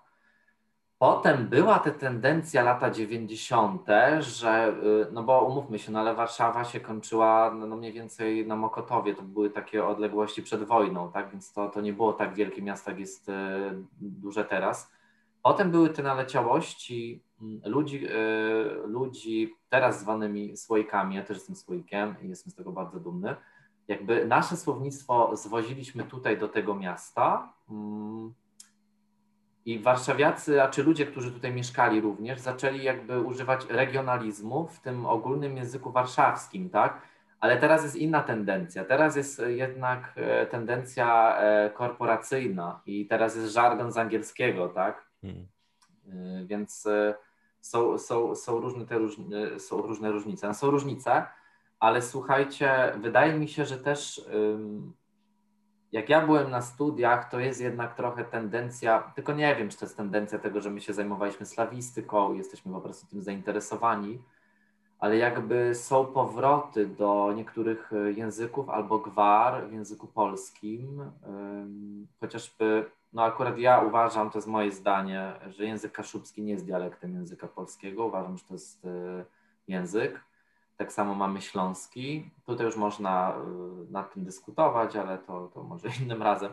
E, nawet pojawił się fakultet albo ogólnie, już nie pamiętam, na UW, na który też uczęszczałem, język wilamowski, który w ogóle nie jest językiem słowiańskim. To jest język germański, który przybył z Niderlandów w wieku XVI do Polski i się wymieszał z, z, z, z ludnością, pewnie też słowiańską. Oni zakładali swoje kolonie w Warszawie też była kolonia, przecież Kępa holenderska, dzisiaj Saska Kępa, to y, tam kiedyś mieszkali Holendrzy z XVI wieku, zakładali takie kolonie. Na Wilanowie też była taka kolonia. Więc teraz jest jakby ten powrót, bo to jest tak, że przez komunizm to jakby rodzice nie mówili w, w języku swoich przodków.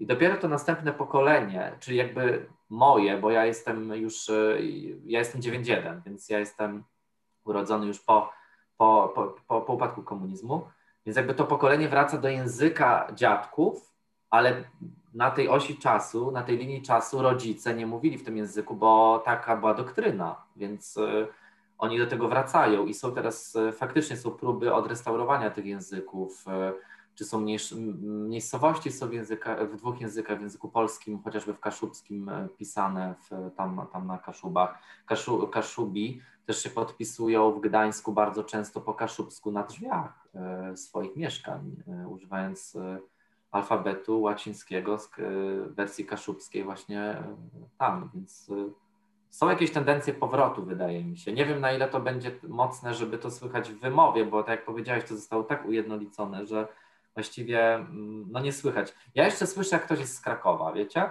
Bo oni mają taki charakterystyczny akcent, to się nazywa inicjalny, czyli na pierwszą sylabę. Oni tak skaczą trochę jak na podhalu, ale to też może wynikać z tego, że w czeskim jest ten sam akcent, więc mm. może ja dlatego to słyszę y, i, i, i to, jest, to jest wszystko. Y, nie, ale... Natomiast rzeczywiście jest coś takiego, bo ja pamiętam nawet e, e, ten zanik akcentu, tak jak no ja jeździłem do mojej babci, która e, mieszka 100 km od Warszawy i tam był specyficzny akcent, który słyszeliśmy, prawda? Do tego stopnia, że moja siostra, jak tam z moją mamą jeździła, e, to po dwóch tygodniach sama zaczęła, zaczynała nabierać tego akcentu, prawda? Który od razu było słychać, będą kiedyś zadzwoniłem, E, to jeszcze są czasy e, prehistoryczne, kiedy były telefony, prawda, że ktoś inny odbierał, trzeba było poprosić kogoś do telefonu. Jeszcze dla młodszych osób jeszcze była wykręcana tarcza i tak dalej. E, I A, pamiętam, że kiedyś ona odebrała. Ja myślałem, że to moja kuzynka odebrała zamiast niej, prawda, bo, bo mówiła praktycznie jak oni. Natomiast to, to było ciekawe, że ten akcent praktycznie on już zanika tam, prawda, czyli że gdy mhm. rozmawiamy z ludźmi, nawet którzy kiedyś mówili w ten sposób, oni już przestają powoli, czyli to się ujednolica. Być może też przez to, że jest i dużo więcej telewizji, prawda, tego kontaktu między sobą ludzie więcej jeżdżą, prawda, więc to też e, e, też jest tak, że często właśnie dzieci na przykład wyjeżdżają gdzieś, e, tracą, to później wracają i no to jest ciekawy, ciekawy fenomen. Natomiast ty wspominałeś o tym języku, tym wilamowskim, prawda? To jest, to jest też bardzo, bardzo interesujące i myślę, że to, to jest coś takiego, jeśli chodzi o języki, ale też nie tylko o języki, że mam wrażenie, że te dawne pokolenia miały pewne umiejętności, mhm. czy językowe, czy, czy też nawet takie, nie wiem, e, może w uprawiania jakichś roślin, czy na pewno mój dziadek był ekspertem od zbierania grzybów, prawda? On potrafił tam mhm. zakładać się, że zimą e, znajdzie grzyby i znajdywał, prawda? I tam pamiętam, że mój tata zawsze opowiadał, że jako dziecko chodził z dziadkiem nie na grzyby, tylko po grzyby. I dziadek mówi, tutaj pod tym drzewem są grzyby, Aha. weź je zbierz, prawda? On już miał, miał taką umiejętność, natomiast no ja nie mam, nie mam tej umiejętności w ogóle, prawda? Natomiast widzę, że jest taki powrót tych właśnie e, do tych dawnych umiejętności, że wiele ludzi zaczyna się interesować jakimś tematem Mhm. i specjalizuje się w nim maksymalnie, że dowiaduje się na jego temat dużo więcej nawet niż ci dziadkowie wiedzieli, prawda? Dzięki internetowi teraz możliwościom i jest e, właśnie taka chęć być może do odbudowywania tych języków, ale w sposób taki już bardziej e, e, no, nie taki przypadkowy, prawda, że o tym zapamiętamy jakieś jedno, dwa słowa, tylko że ludzie rzeczywiście do tego podchodzą bardzo sensownie, prawda? I Mhm. tutaj rozmawialiśmy o tym języku, to była ciekawostka właśnie, może opowiedz jak, tutaj znasz to doskonale, o tym jak, jak ten język był odbudowany, zwłaszcza na przykład jakieś e, brzydkie słowa, czy... e, e, czy... A w Wilamowskim? Tak, tak, tak, właśnie, bo to jest taka ciekawostka dosyć interesująca. Mm, No, chodziliśmy na ten przedmiot właśnie dodatkowy, język wilamowski, który się pojawił tam kilka lat temu na Uniwersytecie Warszawskim i uczył nas, my mówiliśmy po prostu do niego Tymek, ja już nie pamiętam jak, Boże, szkoda, że nie pamiętam jak się nazywa nazwisko, trzeba byłoby sprawdzić, bo to też by była w sumie jakaś reklama dla tego języka. W sensie Tymka rodzice chyba z tego co pamiętam nie mówili za bardzo po wilamowsku, on był z Wilamowic, ale jego babcia mówiła. I dla niej też to było takie, że już e, nie uczcie się tego, bo to jest niepotrzebne, to jest coś gorszego. W ogóle jakbyście chcieli usłyszeć kiedyś język wilamowski, są nagrania, nawet Hobbit był wystawiany w jakimś teatrze po wilamowsku, to wszystko jest na YouTubie. I nawet e, puszczałem kiedyś wilamowski z YouTube'a z, e, mojemu znajomemu, który z Belgiem, z Flandrii, mówi po flamandzku, a oni stąd, no mniej więcej język niderlandzki. No to on rozumiał, dla niego to brzmiało jak taki jakiś stary język, taki właśnie flamandzki, ale też wymieszany z polskim. E, I Tymek, no już jak budował ten podręcznik, no to brakowało mu wulgaryzmów, przekleństw w języku wilamowskim, więc zapraszał do swojej babci e, sąsiadkę, której babcia nie znosiła i one się kłóciły i przeklinały do siebie i on wszystko spisywał. więc, więc, różne, różne, różne są metody, To żeby za pozyskać to Super, ale naprawdę chłopaki zrobili, tak, zrobili taką robotę. Yy, uważam, że to jest, za to powinna być jakaś nagroda, nie wiem, czy od Ministerstwa Kultury, od kogokolwiek, bo to, co oni zrobili, żeby naprawdę oni uczyli tego języka, tam powstały, powstały jakieś lekcje, jakaś szkoła, przecież chociażby to, że na Artes Liberales nawet powstał ten przedmiot, tak, żeby tam, i słuchajcie, nas było tam od groma, to nie, że ja chodziłem, ja i mój wy, wyimaginowany przyjaciel jakiś, tylko nas było tam chyba z 30, z 40 osób. Wow. No bo idealizuję, może było 20, ale i też dużo. No ale z 30 było na pewno. No, to jest, I mieliśmy normalnie gramatykę, wszystko, trzeba było to zdawać. Oczywiście było to trochę takim sposobem zrobione, że mieliśmy więcej luzu, bo to był język, y, no wbrew pozorom on był trudny. On nie był wcale taki łatwy. Tam składnia w ogóle niemiecka była, y, szyk zdania, wszystko, ale jeszcze pojedyncze polskie słowa przy okazji. Eee, I również umlauty, w, w ogóle litera si albo eu i obok umlaut o, o z kropeczkami, jest coś niesamowitego, jak się to zobaczy, po prostu, że, że coś Natomiast to, to, co jest ciekawe, jak mówimy właśnie o takich e, tych językach, czy też części języków słowiańskich, ja myślę, że e, tak jak zaczęliśmy od, od tego języka czeskiego, prawda, próby jego Mhm. usystematyzowania i tak dalej, tego, tego, co w Słowenii też było robione, my nie zdajemy sobie sprawy, ale język jest na tyle żywym tworem, że rzeczywiście jeśli nie ma się nad nim kontroli, to on się bardzo szybko zmienia, modyfikuje. I to e, tutaj Tak. e, można na przykład porównać, ja ta- taką zawsze ciekawostkę e, przytaczam tutaj. Gdzieś natrafiłem na rozmówki polsko-francuskie z XIX wieku. I e, opubliko, opubliko, znaczy jakieś fragmenty, tam pojedyncze strony. I nawet wrzuciłem e, e, na naszym profilu i e, ktoś skomentował, po francusku jest łatwiej zrozumieć niż po polsku. I to było ciekawe o tyle, że ten język francuski, on rzeczywiście e, przez wiele lat e, gdzieś tam sobie tworzył ten sposób zapisu, prawda? A Tak. sposób zapisu wpływa też na wymowę, bo jak już zapiszemy coś w jakiś sposób, to, to to wpływa na to, jak wymawiamy, prawda? Bo jak widzimy, że tu jest literka jakaś, to już nie przestaniemy jej wymawiać, prawda? E, No i ten francuski, powiedzmy w XIX wieku, on niewiele różni się od języka z XX wieku. Rozmawiałem ze znajomym Francuzem i on mówi, słuchaj, jeśli bierzesz sobie książkę z, e, napisaną w XIX wieku, to jest dokładnie ten sam język, którym byśmy ją napisali dzisiaj. Może są pojedyncze słowa, które się Mhm. zmieniły trochę znaczenie, natomiast e, no, ten, ten język się nie zmienił. Natomiast język polski, porównajcie sobie XIX wiek, nie te książki, które mamy z XIX wieku, które są już korygowane bardzo często, prawda, do, dopasowywane, ale takie, e, w jaki sposób ludzie zapisywali, prawda, jak, jaki szyk zdania e, dominował, to jest, e, znaczy da się to zrozumieć, ale widać, że to jest, te zmiany zaszły w ciągu tam 100 lat bardzo, prawda, czyli o, i myślę, że w wielu tych językach, które dopiero zaczęły nabierać takiego tak. e, takiego swojego, powiedzmy, swojej twarzy, bo dzięki na przykład niepodległości krajów, prawda, czyli ja myślę, że, że właśnie Słowenia, Macedonia, po trochu Ukraina, prawda, Białoruś, to jest językiem Mace- białoruskim. Macedonia to w tak, ogóle że- jest bardzo młodziutki język. tak, tak, więc, więc to jest coś takiego, że te języki dopiero gdzieś tam powstają i ludzie no, gdzieś tam się sugerują, próbują coś, coś tworzyć, zmieniać, prawda, czyli, czyli to, jest, to jest dosyć ciekawe. Jest też język rumuński, w którym też tam pozmieniano na przykład, to, było, to była też ciekawa historia, bo ten język, on, oni chcieli podkreślić, że to jest język romański. Tak, No, tak. oczywiście są duże wpływy słowiańskie, na- nawet słowo Mhm. tak to jest da, prawda, czyli tak po rosyjsku, e, e, przyjaciel, sprieten, prawda, czyli e, praktycznie no, widać te, te wpływy olbrzymie. Natomiast oni e, mieli e, w słowie e, rumuński czy Rumunia, mieli taki dźwięk, który brzmi jak y, prawda, i zapisywali go i z daszkiem, ale postanowili nie, stworzymy sobie literkę a z daszkiem, tylko i wyłącznie do tego słowa i pochodnych typu rumuński i tak dalej, żeby, żeby to wyglądało jak roman, prawda, jak romański, prawda, czyli, e, czyli No no, była, tak, była tak. taka, taka, taka zmiana, że zmienili e, słowo jestem synt w sund, prawda, które brzmi bardziej jak po łacinie, prawda, że e, s- są, czy ja jestem.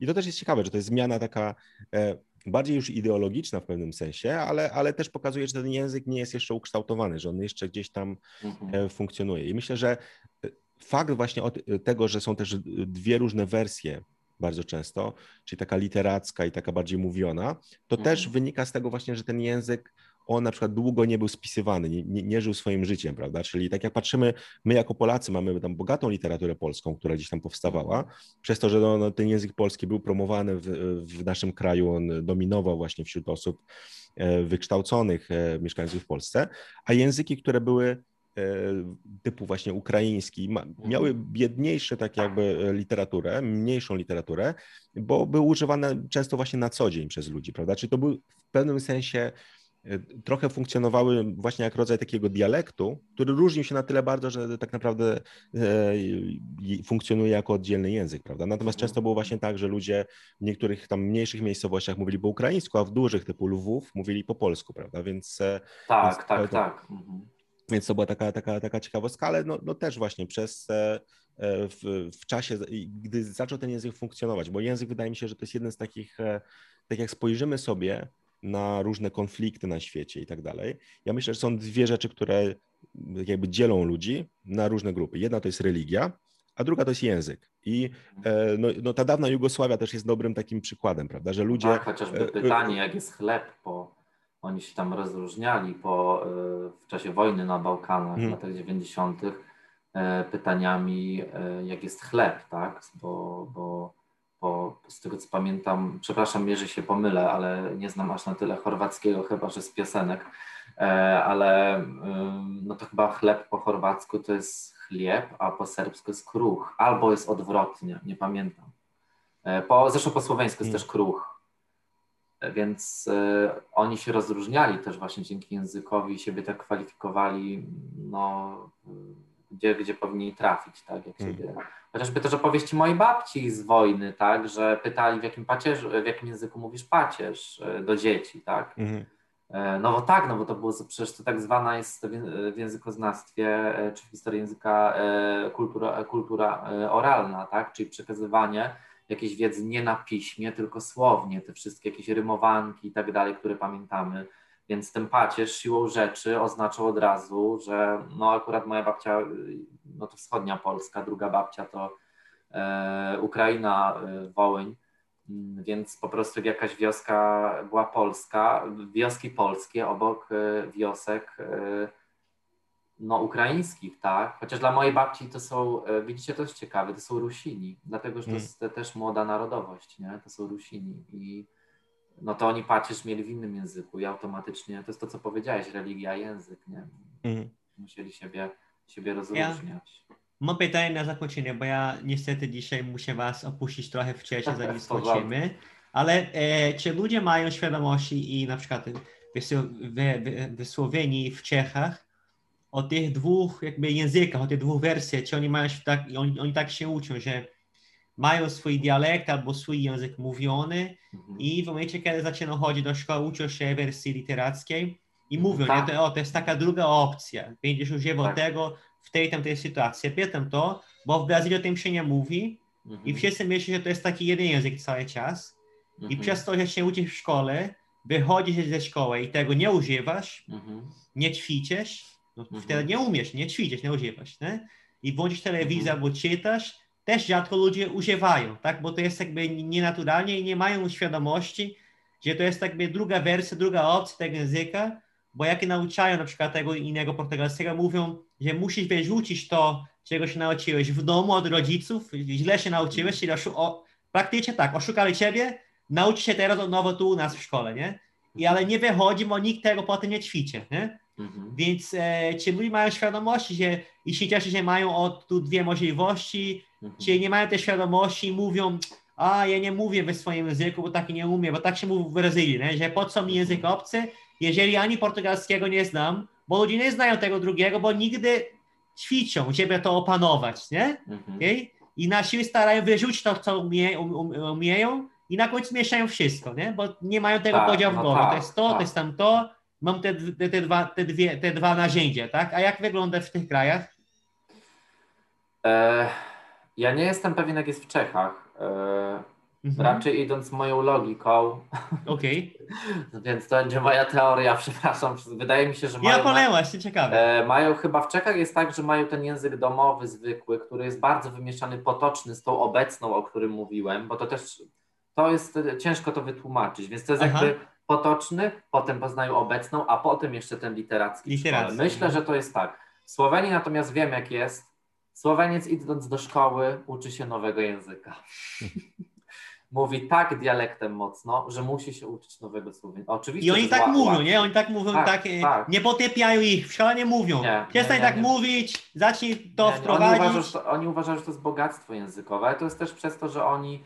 E, że to jest, e, oni, jakby Słowenia trochę mentalnie jest troszkę w innym miejscu w głowie niż u nas, na przykład chociażby, przepraszam, u mnie Polska bo Słowenia przede wszystkim e, najpierw jest doceniany ich region, skąd oni pochodzą, dla nich to jest najważniejsze dla Słoweńca. Potem jest jakby jeszcze większy region, potem jest dopiero Słow... powiedziałbym nawet Unia Europejska, a dopiero potem jest Słowenia. W ten sposób. No bo oni są tak nauczeni, przecież to była federacja, to jest, e, hmm. to jest in, troszeczkę inne miejsce, w, w innej kolejności to idzie, tak?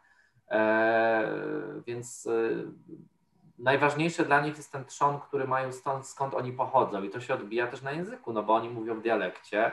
E, słuchajcie, też dochodzi do takich sytuacji, że jak napiszą, piszą na przykład pracę, mm, załóżmy, no nie wiem, jakąś tam licencjacką na przykład w Słowenii, no to ja znam znajomych Słoweńców, którzy poprawiają innym Słoweńcom e, pracę, bo oni nie potrafią pisać w języku literackim. Jest Albo tak mocne, jest tak Czy dlatego, że, że nie ćwiczą na przykład, oni mają świadomość, że to jest drugi sposób mówienia, tak? tak? I tak, nie ćwiczą jest... albo, albo sądzą, sądzą, że na przykład że nie Może ma większy, większy, większy jest dystans do języka literackiego niż do dialektu. Jakby odwrotnie niż w Polsce, prawda? Że u nas, o, bo ty tam mówisz, tam, nie wiem, jesteś z Podhala, weź mów normalnie, tam po polsku. A u nich jest odwrotnie.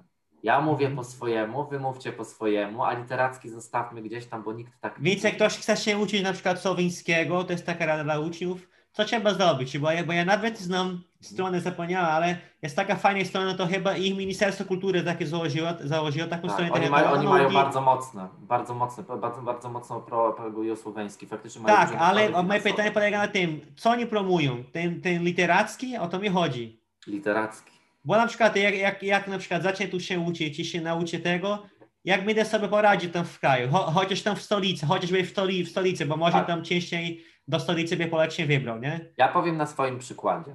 Literacki przede wszystkim, ponieważ literacki bardzo, e, literacki łączy, uproszczę troszkę, łączy wszystkie dialekty, okay. naprawdę, więc e, a potem, jeżeli będziesz już na miejscu, y, oczywiście trzeba ludzi też uczyć w trakcie kursu, na przykład, że są dialekty. Oczywiście nie nauczysz ich 46 dialektów, no bo to przecież Słoweniec sam nie zna, ale ciekawostki wrzucać, że ej, tu się mówi tak, tak, tak, że to trzeba, tu są takie różnice, ale generalnie literacki i tak łączy te wszystkie dialekty, więc y, oni sprytnie to zrobili, bo stworzyli na właśnie na zasadzie.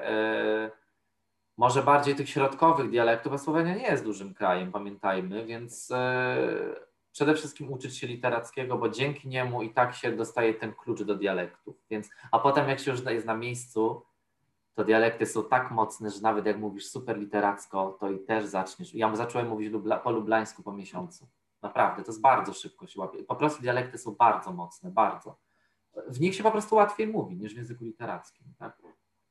Ja jeszcze mam takie pytanie, pytanie tutaj właśnie do, do Marlona, bo on zaraz odleci na Marsa, na swoją planetę, bo tam podobno coś wylądowało, więc słyszałem, że cała wasza ekipa tam e, się udaje teraz sprawdzić, co się dzieje. Tak, musi, ja musi, musi tutaj naprawić część o mojego statku, widzisz? To tak, mi się tak, zepsuło. Właśnie. Natomiast pytanie naprawić. do ciebie, bo ty jesteś osobą, która uczyła się tych języków słowiańskich jako ktoś dwóch, spoza dwóch, tego dwóch, regionu. nie duży, tak, tak dwóch. Tak, tak ale, ale powiedz, to jest bardzo ciekawe. Jakie, jakie właśnie miałeś wrażenia z tych języków słowiańskich? Co cię zaskoczyło, co było, zszokowało?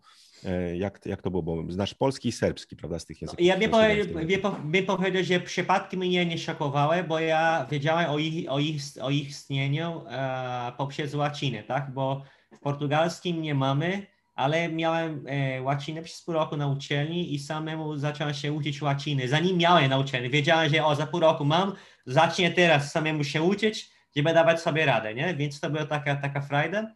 Więc wiedziałem, że, że istnieją e, przypadki w języku polskim, wiedziałem, co to jest, ale e, ten tryb dokonany i niedokonany na, na pewno był ciekawy, nie? żeby każdy rozumiał, na przykład możemy mówić, że czytam i przeczytam, albo czytałem, przeczytałem i to był dla mnie szok na miejscu, jak się dowiedziałem, że to nie jest tak, tak jak pięknie e, piszą w podręczniku, że wy po polsku czasu niedokonanego w sytuacjach, w których według podręcznika powinien być czas dokonany. I czas, i ten, ten tryb, ten tryb dokonany, nie? ten tryb do, do, dokonany ma w ogóle inne użycie, o którym nie ma mowy w podręcznikach. Ja czytam wiele, nie ma mowy. I tu dam jeden przykład. Jeżeli ktoś mówi, a wczoraj dawałem ci te kartki, na przykład takie zdanie może wypadać. I ta osoba na myśli, że robiła tylko raz, raz, dała i koniec. To jest tak, że wiele razy przez dłuższy czas, nie? I tak ludzie mówią. Ale jak mówią tak, nie podkreśla e, jakby, to nie jest ważne, że ja skończyłem, nie? Ja po prostu przekazuję tę informację, że dałem to, nie? Tak jak na przykład już jadłem, albo e, co robiłeś wczoraj, nie? Tak, tak się pyta też bardzo często. I słyszałem, że jak się mówi tym trybie dokonanym, to brzmi jakby bardzo stanowczo, trochę te, też jakby, żeby się kłócić, nie? Co zrobiłeś wczoraj, tak? Albo, nie? Mama pyta, czy zjadłeś już, nie? A takie zdanie, czy jadłeś już, takie przyjaźnie brzmi, nie? Więc e, ja się dowiedziałem jakby analizując, ja nie, nie, nie czytałem o tym, ja widzę, że takie jest używane i to jest bardzo ciekawe, takie zupełnie inna funkcja ma ten tryb e, jakby niedokonany teraz e, z tego, co jest napisane w książkach, nie? więc jest to bardzo ciekawe zjawisko, nie? jak tak się mówi i dopiero tu na miejscu tego się nauczyłem, bo tak nie zawsze przekazują wszystkiego w podręcznikach, może dlatego, że czasami, ja, ja nie chcę tu osądzić, a może czasami językoznawcy nie są tego świadomi, bo jak ty mówisz w swoim języku czystym, może nie wszystko wyłapujesz nawet jako samo językoznawca, nie? Czyli czasem jest potrzebna taka osoba z innego kraju, żeby tak inaczej na to patrzyły, żeby zauważyć pewne rzeczy, prawda?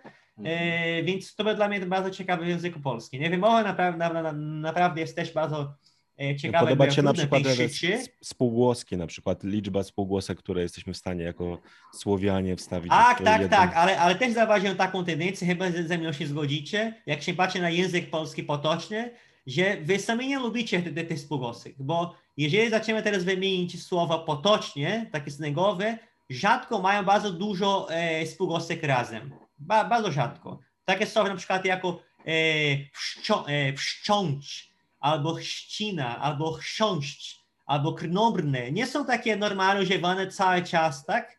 Jeżeli ktoś Prawda. mówi po, potocznie, zawsze e, pod, pod względem wymowy wasze potoczne słowa są bardzo proszczone. Przykład, e, gadać na przykład, takie słowo potoczne, gadać, bardzo proste słowo, nie? Albo kumać, tak? Łapie, tak. nie? Więc mhm. bardzo często takie bardzo, mają bardzo prostą wymowę. To jest jakby, jakby sami jakby mówcy za bardzo nie lubili tych zbitków takich razem, nie? I widzę taką tendencję, jak czytam książki po polsku, że jest dużo takich starych słów już nieużywanych z trudną wymową. Tak jak na przykład wzdłuż albo tak. e, wżdy, nie? A, o, no wżdy, no to, takich, to, to, wżdy to tak ładnie też. Właśnie e, wżdy, wżdycki po czesku tak, znaczy zawsze. Wszak, wszakże, nie? snadź, tak, albo, albo snadźnie, więc macie takie i to są stare i zawsze mają taką trudną, ale piękną, ciekawą wymowę, nie? Tak, to jest w ogóle bardzo interesujące, bo e, to są te takie spółgłoski bardzo zbite, które w, pol w polskim mimo wszystko przez nasz ten rozwój języka, one się rozbiły właśnie dzięki samogłoskom, ty- tym jerom pewnie starym, jak i starosłowiańskim, ale Aha, na przykład w czeskim są całe zdania i całe słowa, które są zbudowane w piśmie, w ogóle tam nie ma samogłosek. Chociażby takie słowo jak e, prst się pisze pyrysyty, ry jest głoskotwórcze, prst, czyli palec.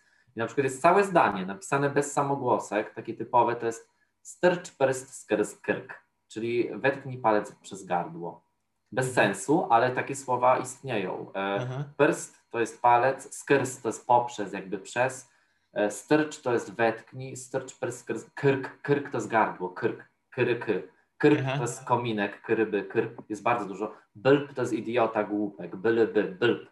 I w, w słoweńskim też są, w słoweńskim się nie zbuduje całego zdania, ale są też pojedyncze słowa. Ersz na No przykład. serbski też ma, też, też ma, ma, no. też nie budują całych zdań, ale mają, nie? I dla mnie to, Tak, był taki, e, taka ciekawostka, nie? W, w, języku serbskim. Oni zresztą, e, sami Serbowie też o tym mówią, nie? Oni sami o tym mówią, oni sami się dziwią, nie? Hmm?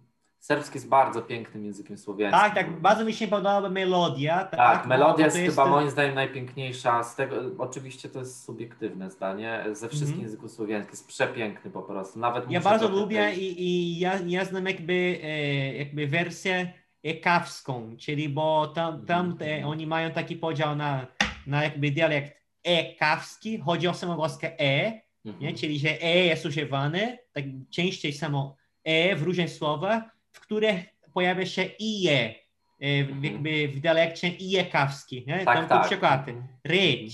Ryć Tak. to jest słowo po, po serbsku i rieć. Też słowo po serbsku, ale jakby bardziej uważają to za chorwacki. Nie? Jeżeli Mhm. Serb tak mówi, czasem tak jest bardzo nie lubię, bo, bo są takie niestety, jest taka pewna wrogość do dzisiaj mi- między nimi, w jedną i w drugą stronę, ja, ja bym tak powiedział. To nie jest tak, że tylko oni, w jedną- i w drugą stronę. No i przejmują te Serb, który tam się urodził, ale mówi w tym jekawskim, ale generalnie Tak. ludzie mówią w tej wersji ekawski. Nie?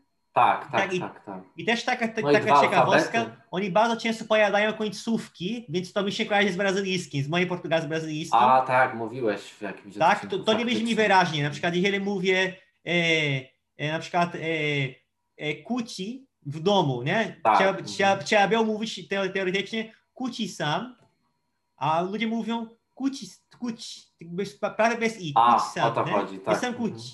Kuci, Mhm. czyli te, te, te ostatnie samogłoski bardzo słabo e, e, jakby e, e, słychać, nie? Mhm. Jest odmiana, normalnie zachowana, ale tak samo słychać, że czasami masz wrażenie, że ktoś nie odmienił słowa. To jest takie bardzo ciekawe zjawisko, nie? Mhm. A z liczebnikami Ale, w ogóle e, oni mają e, takie coś, że oni piszą inaczej niż mówią. Da- Dam tu na przykład e, 2D, 2D3, nie? To, to by były 23, ale oni mówią 2 jest 3, czyli nie, ten 10, 10 się zmienia na S. I Mhm. tego nie piszą nigdy, Mhm. ale da nam miejsce się nauczyć tego. Ja tego się nie, nie, tego nie wiedziałem wcześniej, więc nikt nie mówi e, 10, jakby 2 10, 3 10, e, 4 10, jak połączysz z jakimś liczebnikiem, zawsze będzie S. Nie? I wychodzi na przykład 3 jest 5, czyli Mhm. 35, zamiast mówić Mhm. 3 10 5. Nie? Więc na początku to, to sprawia trudności, no bo liczebniki są potrzebne, tak? Na, na, na, na co dzień. Coś kupujesz, coś pytasz Mhm. się o cenę i ludzie tak mówią, nie od razu rozumiem o, o co chodzi. Wszędzie tak mówią. Ludzie, ludzie praktycznie mówią deset, nie? I to jest taka Mhm. ciekawostka na miejscu tego się nauczyć, bo nie, tego nie uczą podręcznika, bo mówią, że to jest błąd językowy, nie? Więc Ale wiesz, to jest, bardzo, to jest bardzo ciekawe, bo w słoweńskim też giną samogłoski, jak są nieakcentowane zupełnie. E, I też końcówki, chociażby Lubliana po słoweńsku, to w Lublanie Lublian. E, Skracają. no Serbowie też tak robią. Każdy samogłoskę na końcu tak brzmi, nie? Znaczy w ogóle lublański to jest też tak mocny dialekt, że y, nawet my się śmialiśmy, żeby chyba my samych Lublańczyków będziemy uczyć po słoweńsku mówić, bo y, oni w ogóle tak wyrzucają samogłoski, cał, tak, tam zostają same spółgłoski, tylko jakieś pojedyncze, tak, więc y, e, pojedyncze samogłoski, żeby to jeszcze miało jakąś melodię faktycznie. E, Na końcu Eee. chcę ty- tylko dwie rzeczy dodać tu zanim rusz, okej? Taka ciekawostka dla Was, e, e, może, możesz tu e, więcej mówić o tym, ale tam w języku serbskim, w, w tej wersji serbskiej, oni wolą używać takie konstrukcji, takie dłużej po czasowniku zamiast bez okolicznika. O co mi chodzi? Zamiast mówić na przykład, że chce jeść, okay? oni wolą lubić, możesz mówić chce jeść, ale naturalnie brzmi, przynajmniej w Serbii, w, w stolicy, tak, większe miasta, chcę, że jem, albo chcę, tak. chcę, że zjem. Czyli zamiast bez okolicznika oni dają że, żeby połączyć zdanie, czyli po serbsku mhm. da, i odmieniają czasowniki, nie? więc tak. masz mhm. dwie odmiany, a ta druga odmiana jest dokonana, a pierwsza niedokonana, nie? I na mhm. przykład, a, na przykład, a to właśnie że w, w, zielin, zielin da jednym, Zielin da jednym na przykład. Ale to właśnie w, Chorwacji, w, Chorwac, w chorwackim jest y, właśnie ta taka jak po polsku, prawda, że używamy bezokolicznika. Czyli to też jest tak jedna z takich cech i po serbsku żali tak robią. A Słoweńcy robią jak chcą. Bo literacko, no, jest, Brazylii, literacko jest tak, potocznie to w ogóle jeszcze skracają te bezokoliczniki przez te samogłoski. A słyszałem też konstrukcję, tylko że da coś tam, ale po słoweńsku oczywiście, bo też mają to da. E, też, też takie jakieś, że taka naleciała z serbskiego mi się wydawała. Jest to zrozumiałe, no bo... Ale oni, a i oni mają słowa z tureckiego, bo serbski ma dużo, bo e, e właśnie tak, o, tak, tak. otomani, tak się mówi dzisiaj, otomanowie, otomanie. Tak. Ponad, ponad 500 lat sprawowali władzę w Serbii i bardzo dużo słów tureckich mają. Takie codziennie, na przykład łóżko, krewet, e, nie krewetka, ok? Krewet to jest łóżko po serbsku, albo pamuk, pamuk to jest e, bawełna, nie? to też, też jest mhm. tureckiego i, i masę masz tak słów, krastawac, ogórek, w ogóle nie brzmi, nie? czyli brzmi dla mnie jako nazwisko w ogóle, to jest też ponoć z tureckiego. Dużo mają takich zapożyczeń tam w Serbii. Mhm. No tak, to jest, to jest prawda. Nie, to, to jest ciekawe, ale jeszcze tutaj dodałbym e, taką ciekawostkę, jeśli chodzi o języki słowiańskie. Tutaj jak pytaliśmy się Marlona, co czuł, prawda, jak zaczął się uczyć polskiego, to ja miałem podobnie z moją żoną, która pochodzi z Indii i ona e, w szkole uczyła się sanskrytu, prawda? Tak jak my się uczymy czasami łaciny, teraz już trochę mniej, ale e, no to ona miała zajęcia z sanskrytu i mówi, że wszyscy nienawidzili tego przedmiotu. No bo oczywiście to była taka sama nauka jak łaciny, czyli trzeba było wszystkie przypadki nauczyć się tam, czy odmiany czasowników. I ona e, ucieszyła się, że w końcu porzuciła sanskryt. Natomiast jak zaczęła się uczyć polskiego, to okazało się, że polski jest właśnie gramatycznie trochę jak ten sanskryt, prawda? Że też mamy tych przypadków i, i, i wiele form. Natomiast to, co jest ciekawe właśnie, to jest to podobieństwo języków słowiańskich z sanskrytem czy z językami Indii. Tutaj też generalnie, tak jak mówiliśmy też o tych intelektualistach czeskich i tak dalej, to było mnóstwo też i polskich, i czeskich e, e, lingwistów, którzy badali języki Indii. I e, dwie rzeczy, które tutaj dzięki właśnie tym słowiańskim lingwistom wdarły się powiedzmy w, do indologii, to było po pierwsze literka si, prawda, którą my rozróżniamy jako si i szy w języku polskim, co w, obecnie w hindi już nikt tego nie słyszy, mimo że oni mają dwie literki właśnie z sanskrytu i w sanskrycie było to e, rozróżnienie, prawda, czyli oni rozróżniali i si i szy. I dzisiaj jak zapisujemy sanskryt e, łacińskim alfabetem, to używamy właśnie literki si, która trafiła tam z języka polskiego, prawda, bo my jako tutaj Słowianie rozróżnialiśmy, a druga to był jeden z czeskich chyba slawistów, który zauważył, że właśnie w E, w tych językach e, sanskrycie, językach e, tych Indii jest zachowany jeszcze ten aspekt dokonany, niedokonany. I tutaj to jest ciekawe, bo oh, oni sami w, na przykład w Hindi tego nie czują, prawda? To nie jest taka wiedza, natomiast jest, tak jak ja też, jak przygotowaliśmy kurs języka hindi z moją żoną, no to też analizowaliśmy te zdania i różnice, jak przetłumaczyć, to właśnie było widać, że jest ten aspekt dokonany, prawda? Oni tego nie wyczuwają, oni po prostu używają tych form naturalnie, ale to, to, to pozostało i trochę jest tak właśnie, że te rzeczy, które odnajdujemy w językach słowiańskich, odnajdziemy też w tych językach Indii, prawda? Czy to, ja mogę... jeśli chodzi o, o wymowę, dużo o spółgłosek, czy właśnie o, o gramatykę? Mogę dodać, że kazachski też ma aspekt dokonany, niedokonany. Oni tego też nie wyczuwają i, i tak nie mówi się w podręcznikach, bo żeby tworzyć, on, oni chyba robią tak jak hindi, oni potrzebują dwóch słów, nie? Na przykład on mówi na przykład e, e, jakby siedziałem jedząc. Oni na przykład używają słowo siedzieć, ale moja główna akcja czynność to jest ten jeść.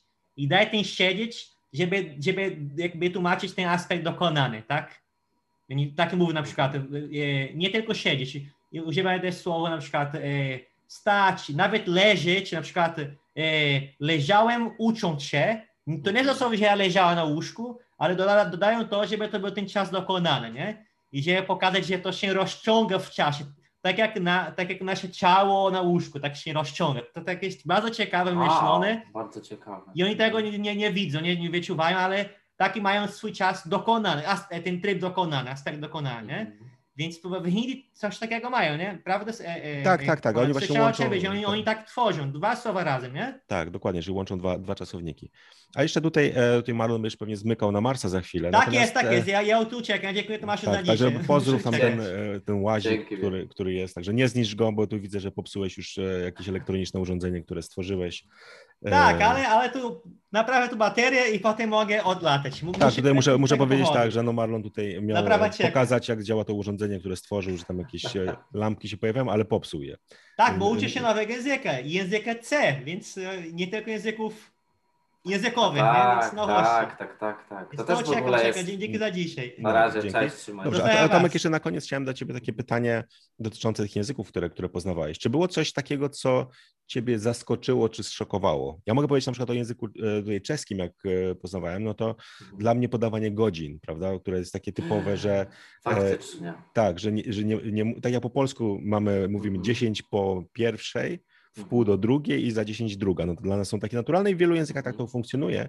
Natomiast Czesi mówią tak jakby, e, jak mówią, e, czyli oni biorą następną godzinę zawsze, prawda? Czyli mówią na przykład, nie wiem, 20 na drugą, czyli... Tak, na Tak, drugą. tak, tak, czyli to też jest takie ciekawe, znaczy, że to jest 20 po pierwszej, prawda, czyli, e, czyli to, było, Tak, to była taka tak, ciekawostka. Ale czy było coś takiego, co, co, co ciebie zszokowało, czy zaskoczyło właśnie, czy w czeskim, słoweńskim, czy może w tych innych e, językach, które, z którymi miałeś kontakt? Wiesz co, y, zszokować chyba, nie wiem, bo to już było tak dawno. Ja w czeskim to na początku nie tyle co szokowało, ale bawiło mnie słownictwo, ale to jest, wiesz, kwestia przyzwyczajenia, bo teraz, ja, teraz mnie tam, ja nie wiem, czy cokolwiek jest, mnie- teraz w stanie w czeskim zaśmieszyć, bo jestem już tego byty z tym językiem, że dla mnie to, to nic nie jest śmieszne. Ale jeżeli coś zaskoczyło, to też te godziny, powiem Ci. Ja powiem Ci szczerze, że do dzisiaj mam z tym problem. Bo ta jednak pamięć liczbowa w językach to jest trochę co innego. Tak samo w słoweńskim, jak jest e, na przykład e, 25, to jest 5 in 20, czyli mówimy tak e, jakby z niemieckiego. No ale my Mhm. słoweniści mamy teorię, że to jednak język niemiecki przejął z języka słoweńskiego. Eee, więc na przykład jak słyszałem w sklepie, jak ktoś mi szybko podawał taką cenę, oczywiście, że masz kasy, bo to jest przecież supermarket czy coś i to się wyświetla, to ja nie byłem w stanie na przykład tego załapać. Po prostu nie daję rady, jak słyszę, e, słyszę taką kolejność. W czeskim te godziny do dzisiaj mi to robi problem. Muszę cały czas sobie przypominać, bo to jest e, tru, trudne faktycznie. W czeskim chyba tak poza tym to mnie nic nie zaskakiwało. No może odmiana przypadków. O! E, chociażby słowo Zeus. No to Zeus, Zeus, kogo czego, Dia. Już inaczej się odmienia. Diowi i tak dalej. To, to, mnie, to mnie zszokowało. Odmiana przez przypadki w czeskim e, słów właśnie pochodzenia greckiego albo łacińskiego jest e, trochę inna zabawa niż w języku polskim. E, W czeskim wszystkie słowa, no może nie wszystkie, praktycznie, no tak powiedziałbym, bo to zawsze mądrze brzmi, nie, że miał badania jakieś, ale 95%, e, słów się odmienia przez przypadki. Odmienia się słowo zombie, kiwi i tak dalej. Także po, po polsku, jak e, człowiek człowiekowi wilkiem i kiwi, kiwi, kiwi, to po czesku to by się odmieniło. E, Po, po słoweńsku też większość słów się odmienia. Słoweński natomiast nie tyle, co mnie zaskoczy, nie zszokowało, tylko było takie fajne, że są takie mm, przedłużenia e, słów, które są bardzo krótkie i są jeszcze pochodzenia starosłowiańskiego, czyli na przykład oko, czyli oko, kogo czego ociesa mamy już, jest to, jest to tak jak w polskim mamy ciele cielęcia, tam jest to przedłużenie, albo chociażby imię Bruno Brunona, tak tego nie mówi, ale są te przedłużenia właśnie słów. I w słoweńskim mnie zaskoczyło, nie zaskoczyła mnie w ogóle liczba podwójna i ja się zaśmiałem na początku, że to jest zmora studentów i uczących się liczby, pod, że liczba podwójna. To, to nie jest, pra- mi to, że nie robiło żadnego problemu. Robiłem błędy tak jak każdy, ale jakoś nie uważałem, że to jest problem. Ale co mnie zaskoczyło, to to, że rzeczy, które na logikę bierzemy jako podwójne, czyli na przykład ręce, oczy, to mimo tego, że język słoweński ma liczbę podwójną, to gramatycznie takie pary traktuje jak liczbę mnogo. Ale reszta już może być podwójna. To mnie bardzo zaskoczyło. To jest trochę, trochę, trochę, trochę tyle. Na no, słoweńskim dialekty, wymowa, e, niezrozumienie niektórych słów, skracanie, właśnie wyrzucanie samogłosek ze słów, e, mm, czyli właściwie skracanie całych zdań.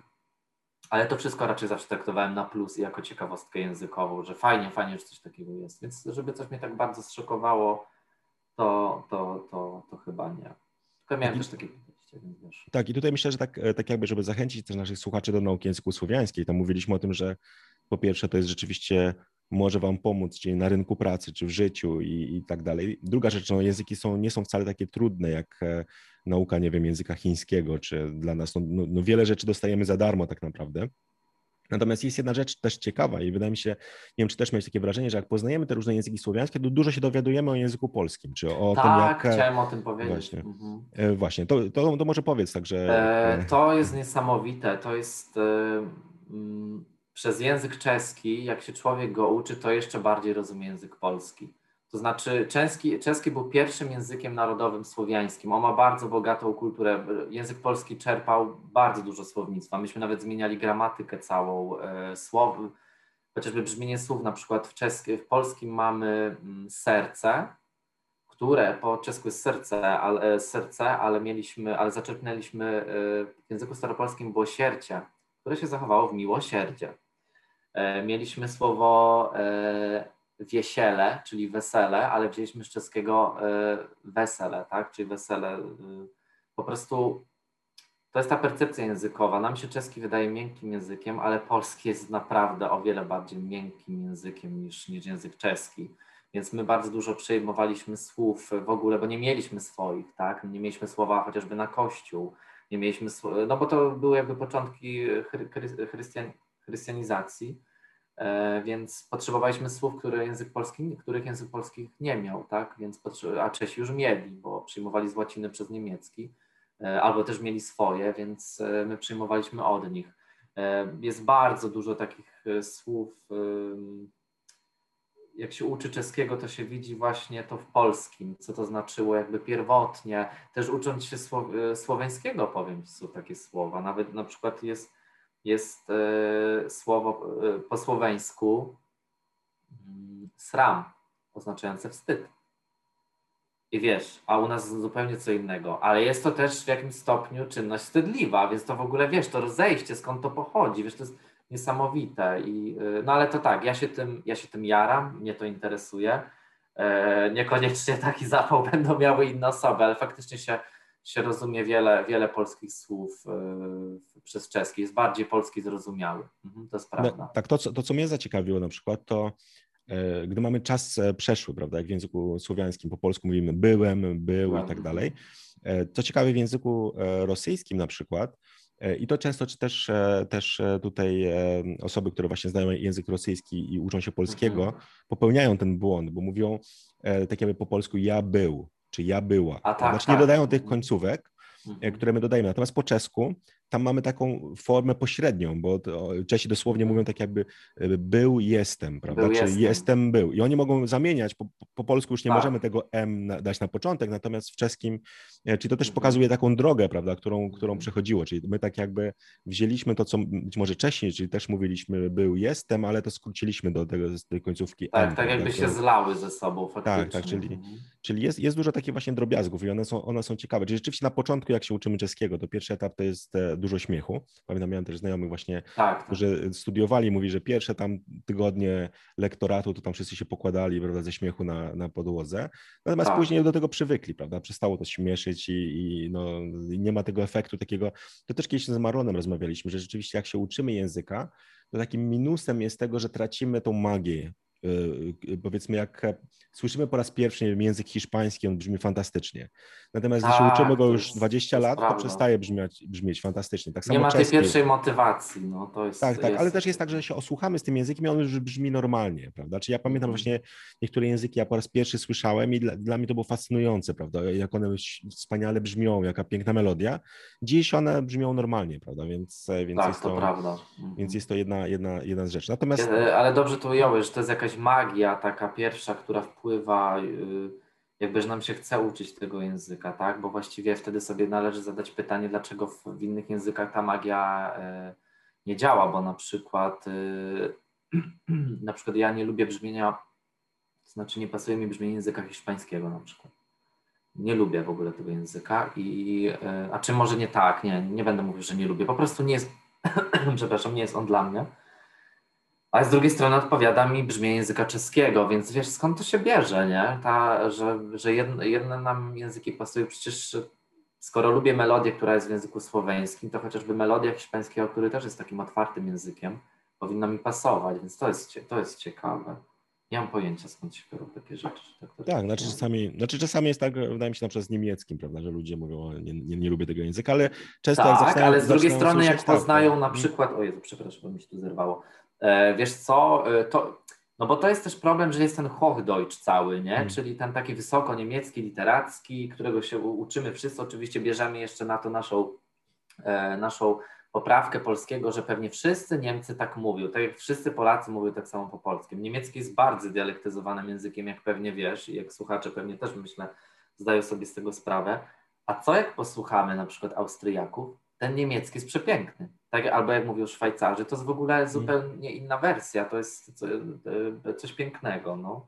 Więc e, mm, nie wiem, no jakoś od czego w sumie to zależy. Tak, Nawet znaczy... nie wiem, czy było pytanie, czy mm. to zależy, ale, mm. ale to tak Nie, no, natomiast, natomiast myślę, że tak jakby podsumowując, że e, i odpowiadając trochę tym osobom, które ty będą komentować za chwilę, że po co się uczyć tam czeskiego czy słoweńskiego, znaczy ja, ja zawsze wychodzę z założenia, że czas spędzony na nauce języków nigdy nie jest stracony, prawda? Bo tak, to jest to, coś, czego nam nikt nie zabierze. Tak, ale z drugiej strony to jest w najgorszym wypadku, nawet jeśli tego języka nigdy nie użyjemy, to ćwiczymy nasz mózg, prawda? I, i to jest coś, co, co pozwala nam e, tak, tak, go rozwijać, więc, więc tutaj nawet jeśli uczycie się języka, nie wiem, wilamowskiego, który, którym być może nie porozumiecie się nigdy, a który być może się przyda, bo to nigdy nie, nigdy nie wiadomo, prawda? Ja miałem sytuację, kiedy uczyłem się jakiegoś języka tak mhm. zupełnie przypadkowo, a okazało się, że gdzieś tam w życiu w pewnym momencie on był użyteczny, więc, e, więc to, to, to działa. To tutaj myślę, że, że warto zachęcić do nauki języków słowiańskich, prawda? Że tak, był ten tak. moment, tak, że kiedyś no, ludzie uczyli się rosyjskiego. Pamiętam, była taka przerwa, że, że odeszliśmy od języka rosyjskiego, bo on A wydawał wróciło, się, prawda? Tak, że powoli zaczyna to, to, to właśnie się zmieniać, bo było to, to moje pokolenie trochę. Ja jestem już takim pierwszym pokoleniem, które uczyło się angielskiego w szkole, mm -hmm. nie rosyjskiego.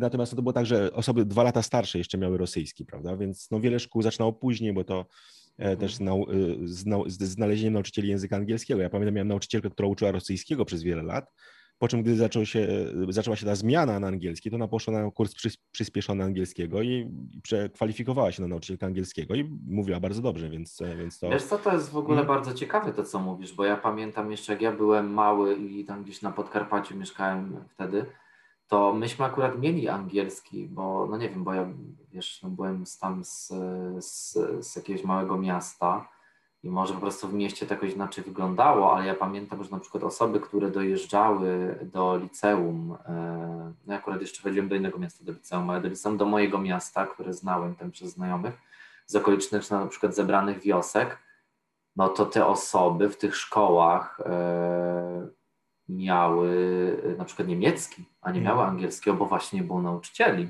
I niemiecki, też ciekawe, nie? że niemiecki, nie rosyjski nawet, nie angielski, który już wtedy był taki uważany za, podsta za podstawę, ale y, niemiecki.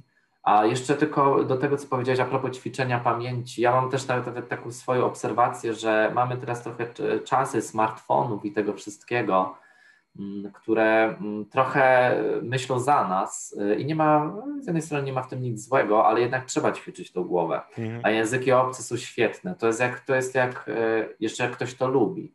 E, to jest jak rozwiązywanie krzyżówek. No to jest, e, powstają, wiesz, te nowe neurony, czy coś tam się tworzy, przepraszam, nie znam się na tym, ale e, to, to ćwiczy pamięć, naprawdę. No, a poza tym to ja też nie lubię trochę tego pytania, po co się uczyć czeskiego, po co się uczyć, bo to jest takie pyta pytanie bardzo praktyczne, trochę oddające znak naszych czasów, tak, że wszystko musi być po coś, ale właściwie też można po prostu to robić z zainteresowań, no bo to wiesz, no to ci otwiera też podejście, wiesz, poznajesz inną kulturę, przecież e, nie wytłumaczysz sobie innej kultury językiem angielskim, no bo wiemy o tym z kulturoznawstwa chociażby, tak, albo z językoznawstwa, że ten język też mówi przez ludzi, a, a, a nie tylko ludzie językiem. Więc żeby poznać kulturę, która nas interesuje, no to trzeba zawsze poznać chociażby w jakimś stopniu ten język, żeby było łatwiej. Mhm. I myślę, że tutaj tymi słowami, które, które powiedziałeś, właśnie wydaje mi się, że one fajnie podsumowują też tę rozmowę o tych rzadszych językach, że czy zawsze musi być jakieś po coś, prawda? Czyli czy to, tak. to, jest, to, jest, to jest właśnie ciekawe. Myślę, że mam nadzieję, że naszym słuchaczom też da do myślenia i zaczną, zaczną e, też e, ćwiczyć swoją pamięć, prawda? Czy to przez języki, tak, czy przez tak. inne. My tutaj zachęcamy do nauki czeskiego. Tutaj możemy zdradzić, że e, zaczynamy lada moment pracę nad kursem języka czeskiego, więc damy Wam poniżej link, także żebyście mogli ten kurs sobie znaleźć w momencie, kiedy będzie gotowy. Myślę, że, że nie zajmie to dużo, dużo czasu. Natomiast no, chcemy też właśnie, żeby Polacy mieli jak najwięcej materiałów, jak najwięcej możliwości. Dlatego my też mamy kursy bardzo rzadkich języków typu perski, hindi, właśnie węgierski. Chociaż no jak zawsze, zawsze, zawsze jak e, E, e, gdzieś tam mam posty, posty na Facebooku z informacjami o tym kursie, zawsze mam ten milion pytań, prawda? Dlaczego ten, po co mam się uczyć, dlaczego mnie pan spamuje tam perskim na przykład kursem i tak dalej. No ale, ale wydaje mi się, że, że zawsze trafiamy, bo tych no grup tak.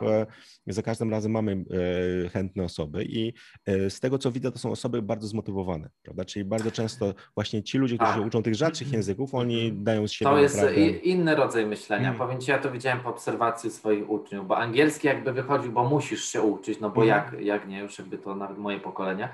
E, ale jak na przykład e, miałem właśnie ludzi ze słoweńskim czy z czeskim, to jest to tak samo jest na studiach. To jest zupełnie inna motywacja. Mhm. Tym ludziom się chce po prostu, bo oni widzą w tym jakiś inny sens niż tylko ten praktyczny, ale żeby nie było, żebym powiedział na koniec, że tylko się uczyć dla siebie, bo tak jak na początku mnie pytałeś, czy warto się uczyć chociażby mm. dla pracy, to również zaznaczam, że czeskiego warto się uczyć E, też ze względów finansowych, oczywiście, oczywiście.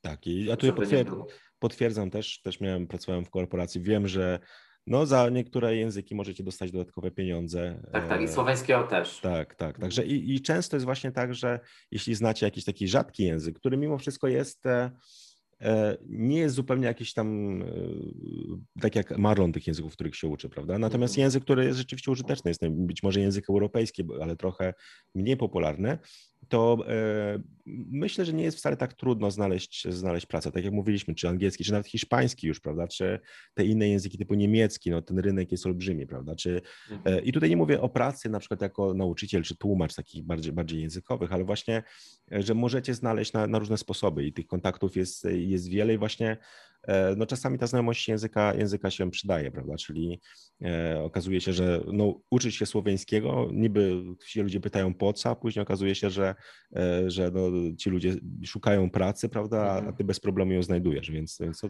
różne Tak, a czy też trzeba mieszać, tak, hmm. że wiesz, no to, że ja tam się uczyłem czeskiego i słoweńskiego, jednocześnie, no to ja tam nie miałem jakiegoś wielkiego planu na nie wiadomo na jakąś e, szero, szerokie pojęcie karierę, jak zwał, tak zwał.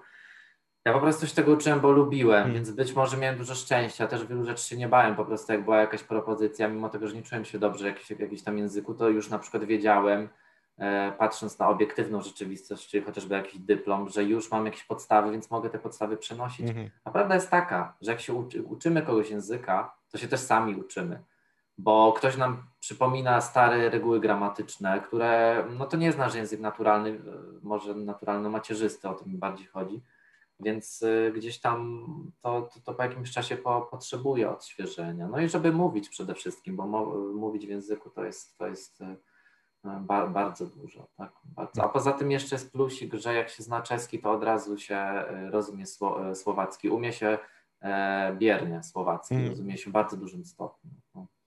Tak, także no, myślę, że no, są same plusy, prawda? Czyli, czyli nawet nie trzeba, ale, ale myślę, że żeby zostawić właśnie naszych słuchaczy z, taki, z takim przesłaniem, prawda? Czyli e, czy dotyczącym języków, czy czegokolwiek, prawda? Czy, czy zawsze musi być jakieś po co, prawda? Czy, czy można może robić jakieś rzeczy dla przyjemności, prawda? I to jest. Wiesz, bo, e, tak, bo to się trochę pozmieniało, bo to jest na tej zasadzie, że wiesz, w towarzystwie ktoś cię pyta, ej, czym się zajmujesz, a na przykład odpo- ja bym odpowiedział, a wiesz, no czeskim, nam słoweńskim, a potem pada pytanie, ale ja się pytam, gdzie pracujesz, a nie się czy, czym się zajmujesz. W sensie, w mhm. sensie jakby pytanie, czym się zajmujesz, jest mm. teraz e, substytutem tego pytania e, tak naprawdę, e, gdzie pracujesz, tak? Mhm. E, Co robisz w pracy, więc e, czasami warto od, od, odwrócić proporcje, zająć się tym, co nas interesuje, mieć tam jakąś pracę i może to jakoś się uda, tak? Ale żeby nie było, że jak się zaczynamy uczyć, to po prostu same różowe kwiatki nam z nieba spadają i jest bardzo wesoło, bo to jest też ciężka praca. Może nie ciężka, ale trzeba nad tym posiedzieć i poświęcić przede wszystkim na to czas, bo samo się nic nie zrobi. Ja wiem, że jesteśmy zalani teraz aplikacjami do nauki języka, ale jak to powiedziała kiedyś moja przyjaciółka Kinga, którą bardzo pozdrawiam na antenie tego podcastu, że no z aplikacji to czasem jest tak, że się nauczysz słowa śrubokręt, które ci się w ogóle nie przyda, a nie wiesz jakby reszty, tak? Więc Hmm. trzeba samemu sz- szukać materiałów y, y, i tak dalej, i tak dalej. Więc Tak, także my, no właśnie, ale myślę, myślę, że dzisiaj długi odcinek, pewnie byśmy jeszcze mogli rozmawiać przez, przez kilka godzin, ale tutaj Tak, to no, chcemy dać słuchaczom szansę też. Ty jest, tutaj musimy przyznać, że jesteś jednym z naszych słuchaczy, prawda? Także trafiłeś do nas też. e, Przetrwajcie. Tak, także tutaj e, wiesz dobrze, z czym to się wiąże, prawda? Także no, no te, wydaje mi się, że to jest dlatego też e, wyjątkowy odcinek, prawda? Że jest e, wreszcie e, jakiś słuchacz e, naszego podcastu. Także to mieliśmy o tyle plus, że nie musieliśmy ci wyjaśniać, jak ten podcast funkcjonuje, prawda? I tak dalej. Wszystko już wiedziałeś, znałeś nas e, już, e, Tak. już e, dobrze. Także więc- następny odcinek mnie nie zaskoczy. Ale powiedz mi, a czy to jest pytanie niezadane w ogóle w nieodpowiednim momencie? Powinienem to zadać na początku. Czy mnie w ogóle było dobrze słychać? Tak, tak, to znaczy. Myślę, że dalibyśmy znać. Także Dobrze. Natomiast zachęcamy też słuchaczy dzisiejszego odcinka. Do tego ben, e, napisali może w komentarzu, jeśli uczycie się jakiegoś języka słowiańskiego, to napiszcie nam e, właśnie troszkę o waszej przygodzie z tym językiem. E, Tak, dawajcie jeśli, znać. jeśli będzie to jakiś Mhm. język właśnie nieco, nieco rzadszy, może bułgarski, prawda, macedoński, Tak. czy, czy jeszcze jakiś inny, prawda, bo no, tych języków mamy mnóstwo i są Szkoda, i że są o tym bardzo ciekawe. rosyjskim więcej nie pogadaliśmy. Przepraszam, że ci Tak, myślę, że to wiesz, musimy bo- zrobić na każdy O. język oddzielny podcast w ogóle, bo Tak, no to tutaj- jest też... Tak, już e, no, mnóstwo czasu upłynęło, prawda, i tak wyczerpaliśmy może 10% tematów, także, także oczywiście być może jeszcze, jeszcze wrócimy e, do tych tematów. Także zachęcamy Was oczywiście do tego, żeby subskrybować nasz, e, nasz tutaj kanał, a także do tego, żeby oczywiście e, lajkować, udostępniać, jak to zawsze wszyscy mówią, prawda, łap, łapki w górę, Tak. i jeśli Wam się podobało, jeśli trwaliście już do końca, to myślę, że albo, e, albo Wam się podobało, albo macie jakiś właśnie problem e, ze sobą samym, prawda, i nie wiecie, nie wiecie, co się dzieje, ale jeśli ktoś przetrwał ten podcast, znaczy, że mu się podobało, więc Tak. zachęcamy do tego, żeby, żeby dać znać też, prawda, innym. Dzięki Waszym udostępnieniom czy polubieniom zawsze ten podcast będzie widoczny, a, a, a zachęcamy Was na koniec oczywiście do nauki języków, jak zwykle, prawda, bo to, to jest inwestycja nie tylko w przyszłość, ale też w teraźniejszość, prawda, w samych siebie, prawda, że to jest y, fajny sposób spędzania wolnego czasu, zwłaszcza, zwłaszcza teraz, ale też ćwiczenia y, umysłu, prawda. Ja jako osoba już ten dinozaur, prawda, więc e, no, zaczynam widzieć, że e, no, w pewnym momencie te pamięć i tak dalej zaczyna szwankować, prawda, więc e, warto Mhm. ją ćwiczyć, warto jak najwięcej dawać wyzwań naszemu mózgowi, bo to, bo to e, sprawia, że, że czujemy się lepiej i e, jesteśmy ogólnie, e, ogólnie zdrowsi. Także dziękujemy Ci bardzo. Dziękuję Pozdrawiamy bardzo. Marlona, który właśnie w tej chwili Pozdrawiamy. e, tam e, ze swoimi znajomymi kosmitami leci na Marsa i próbuje zorientować się, co tam się dzieje, prawda, więc e, no, Tak. Żałujemy tylko, że niestety nie mógł wam pokazać tych tutaj jego urządzenia, które no widziałem przed nagraniem. Te lampki się świeciły, prawda, więc on tam sporo czasu na tym spędził, natomiast no niestety. E, Kolejnym razem popsuł. koniecznie musi pokazać Marsa. Więc... Tak, tak, tak. No on tutaj jest, zaskakuje nas. Ci, którzy nie wiedzą, Marlon wygrał e, światowy konkurs e, tekstów e, pisanych w języku kosmitów z, e, z filmu Avatar, więc e, no tutaj to tylko potwierdza, Wow. że jest, tak, tak, było, było to no. no to e, koniecznie faktycznie trzeba Tak, i to, lajkować. i to, to był ten język, ja nie pamiętam, on, on tutaj często, często na naszych podcastach o, o nim wspomina.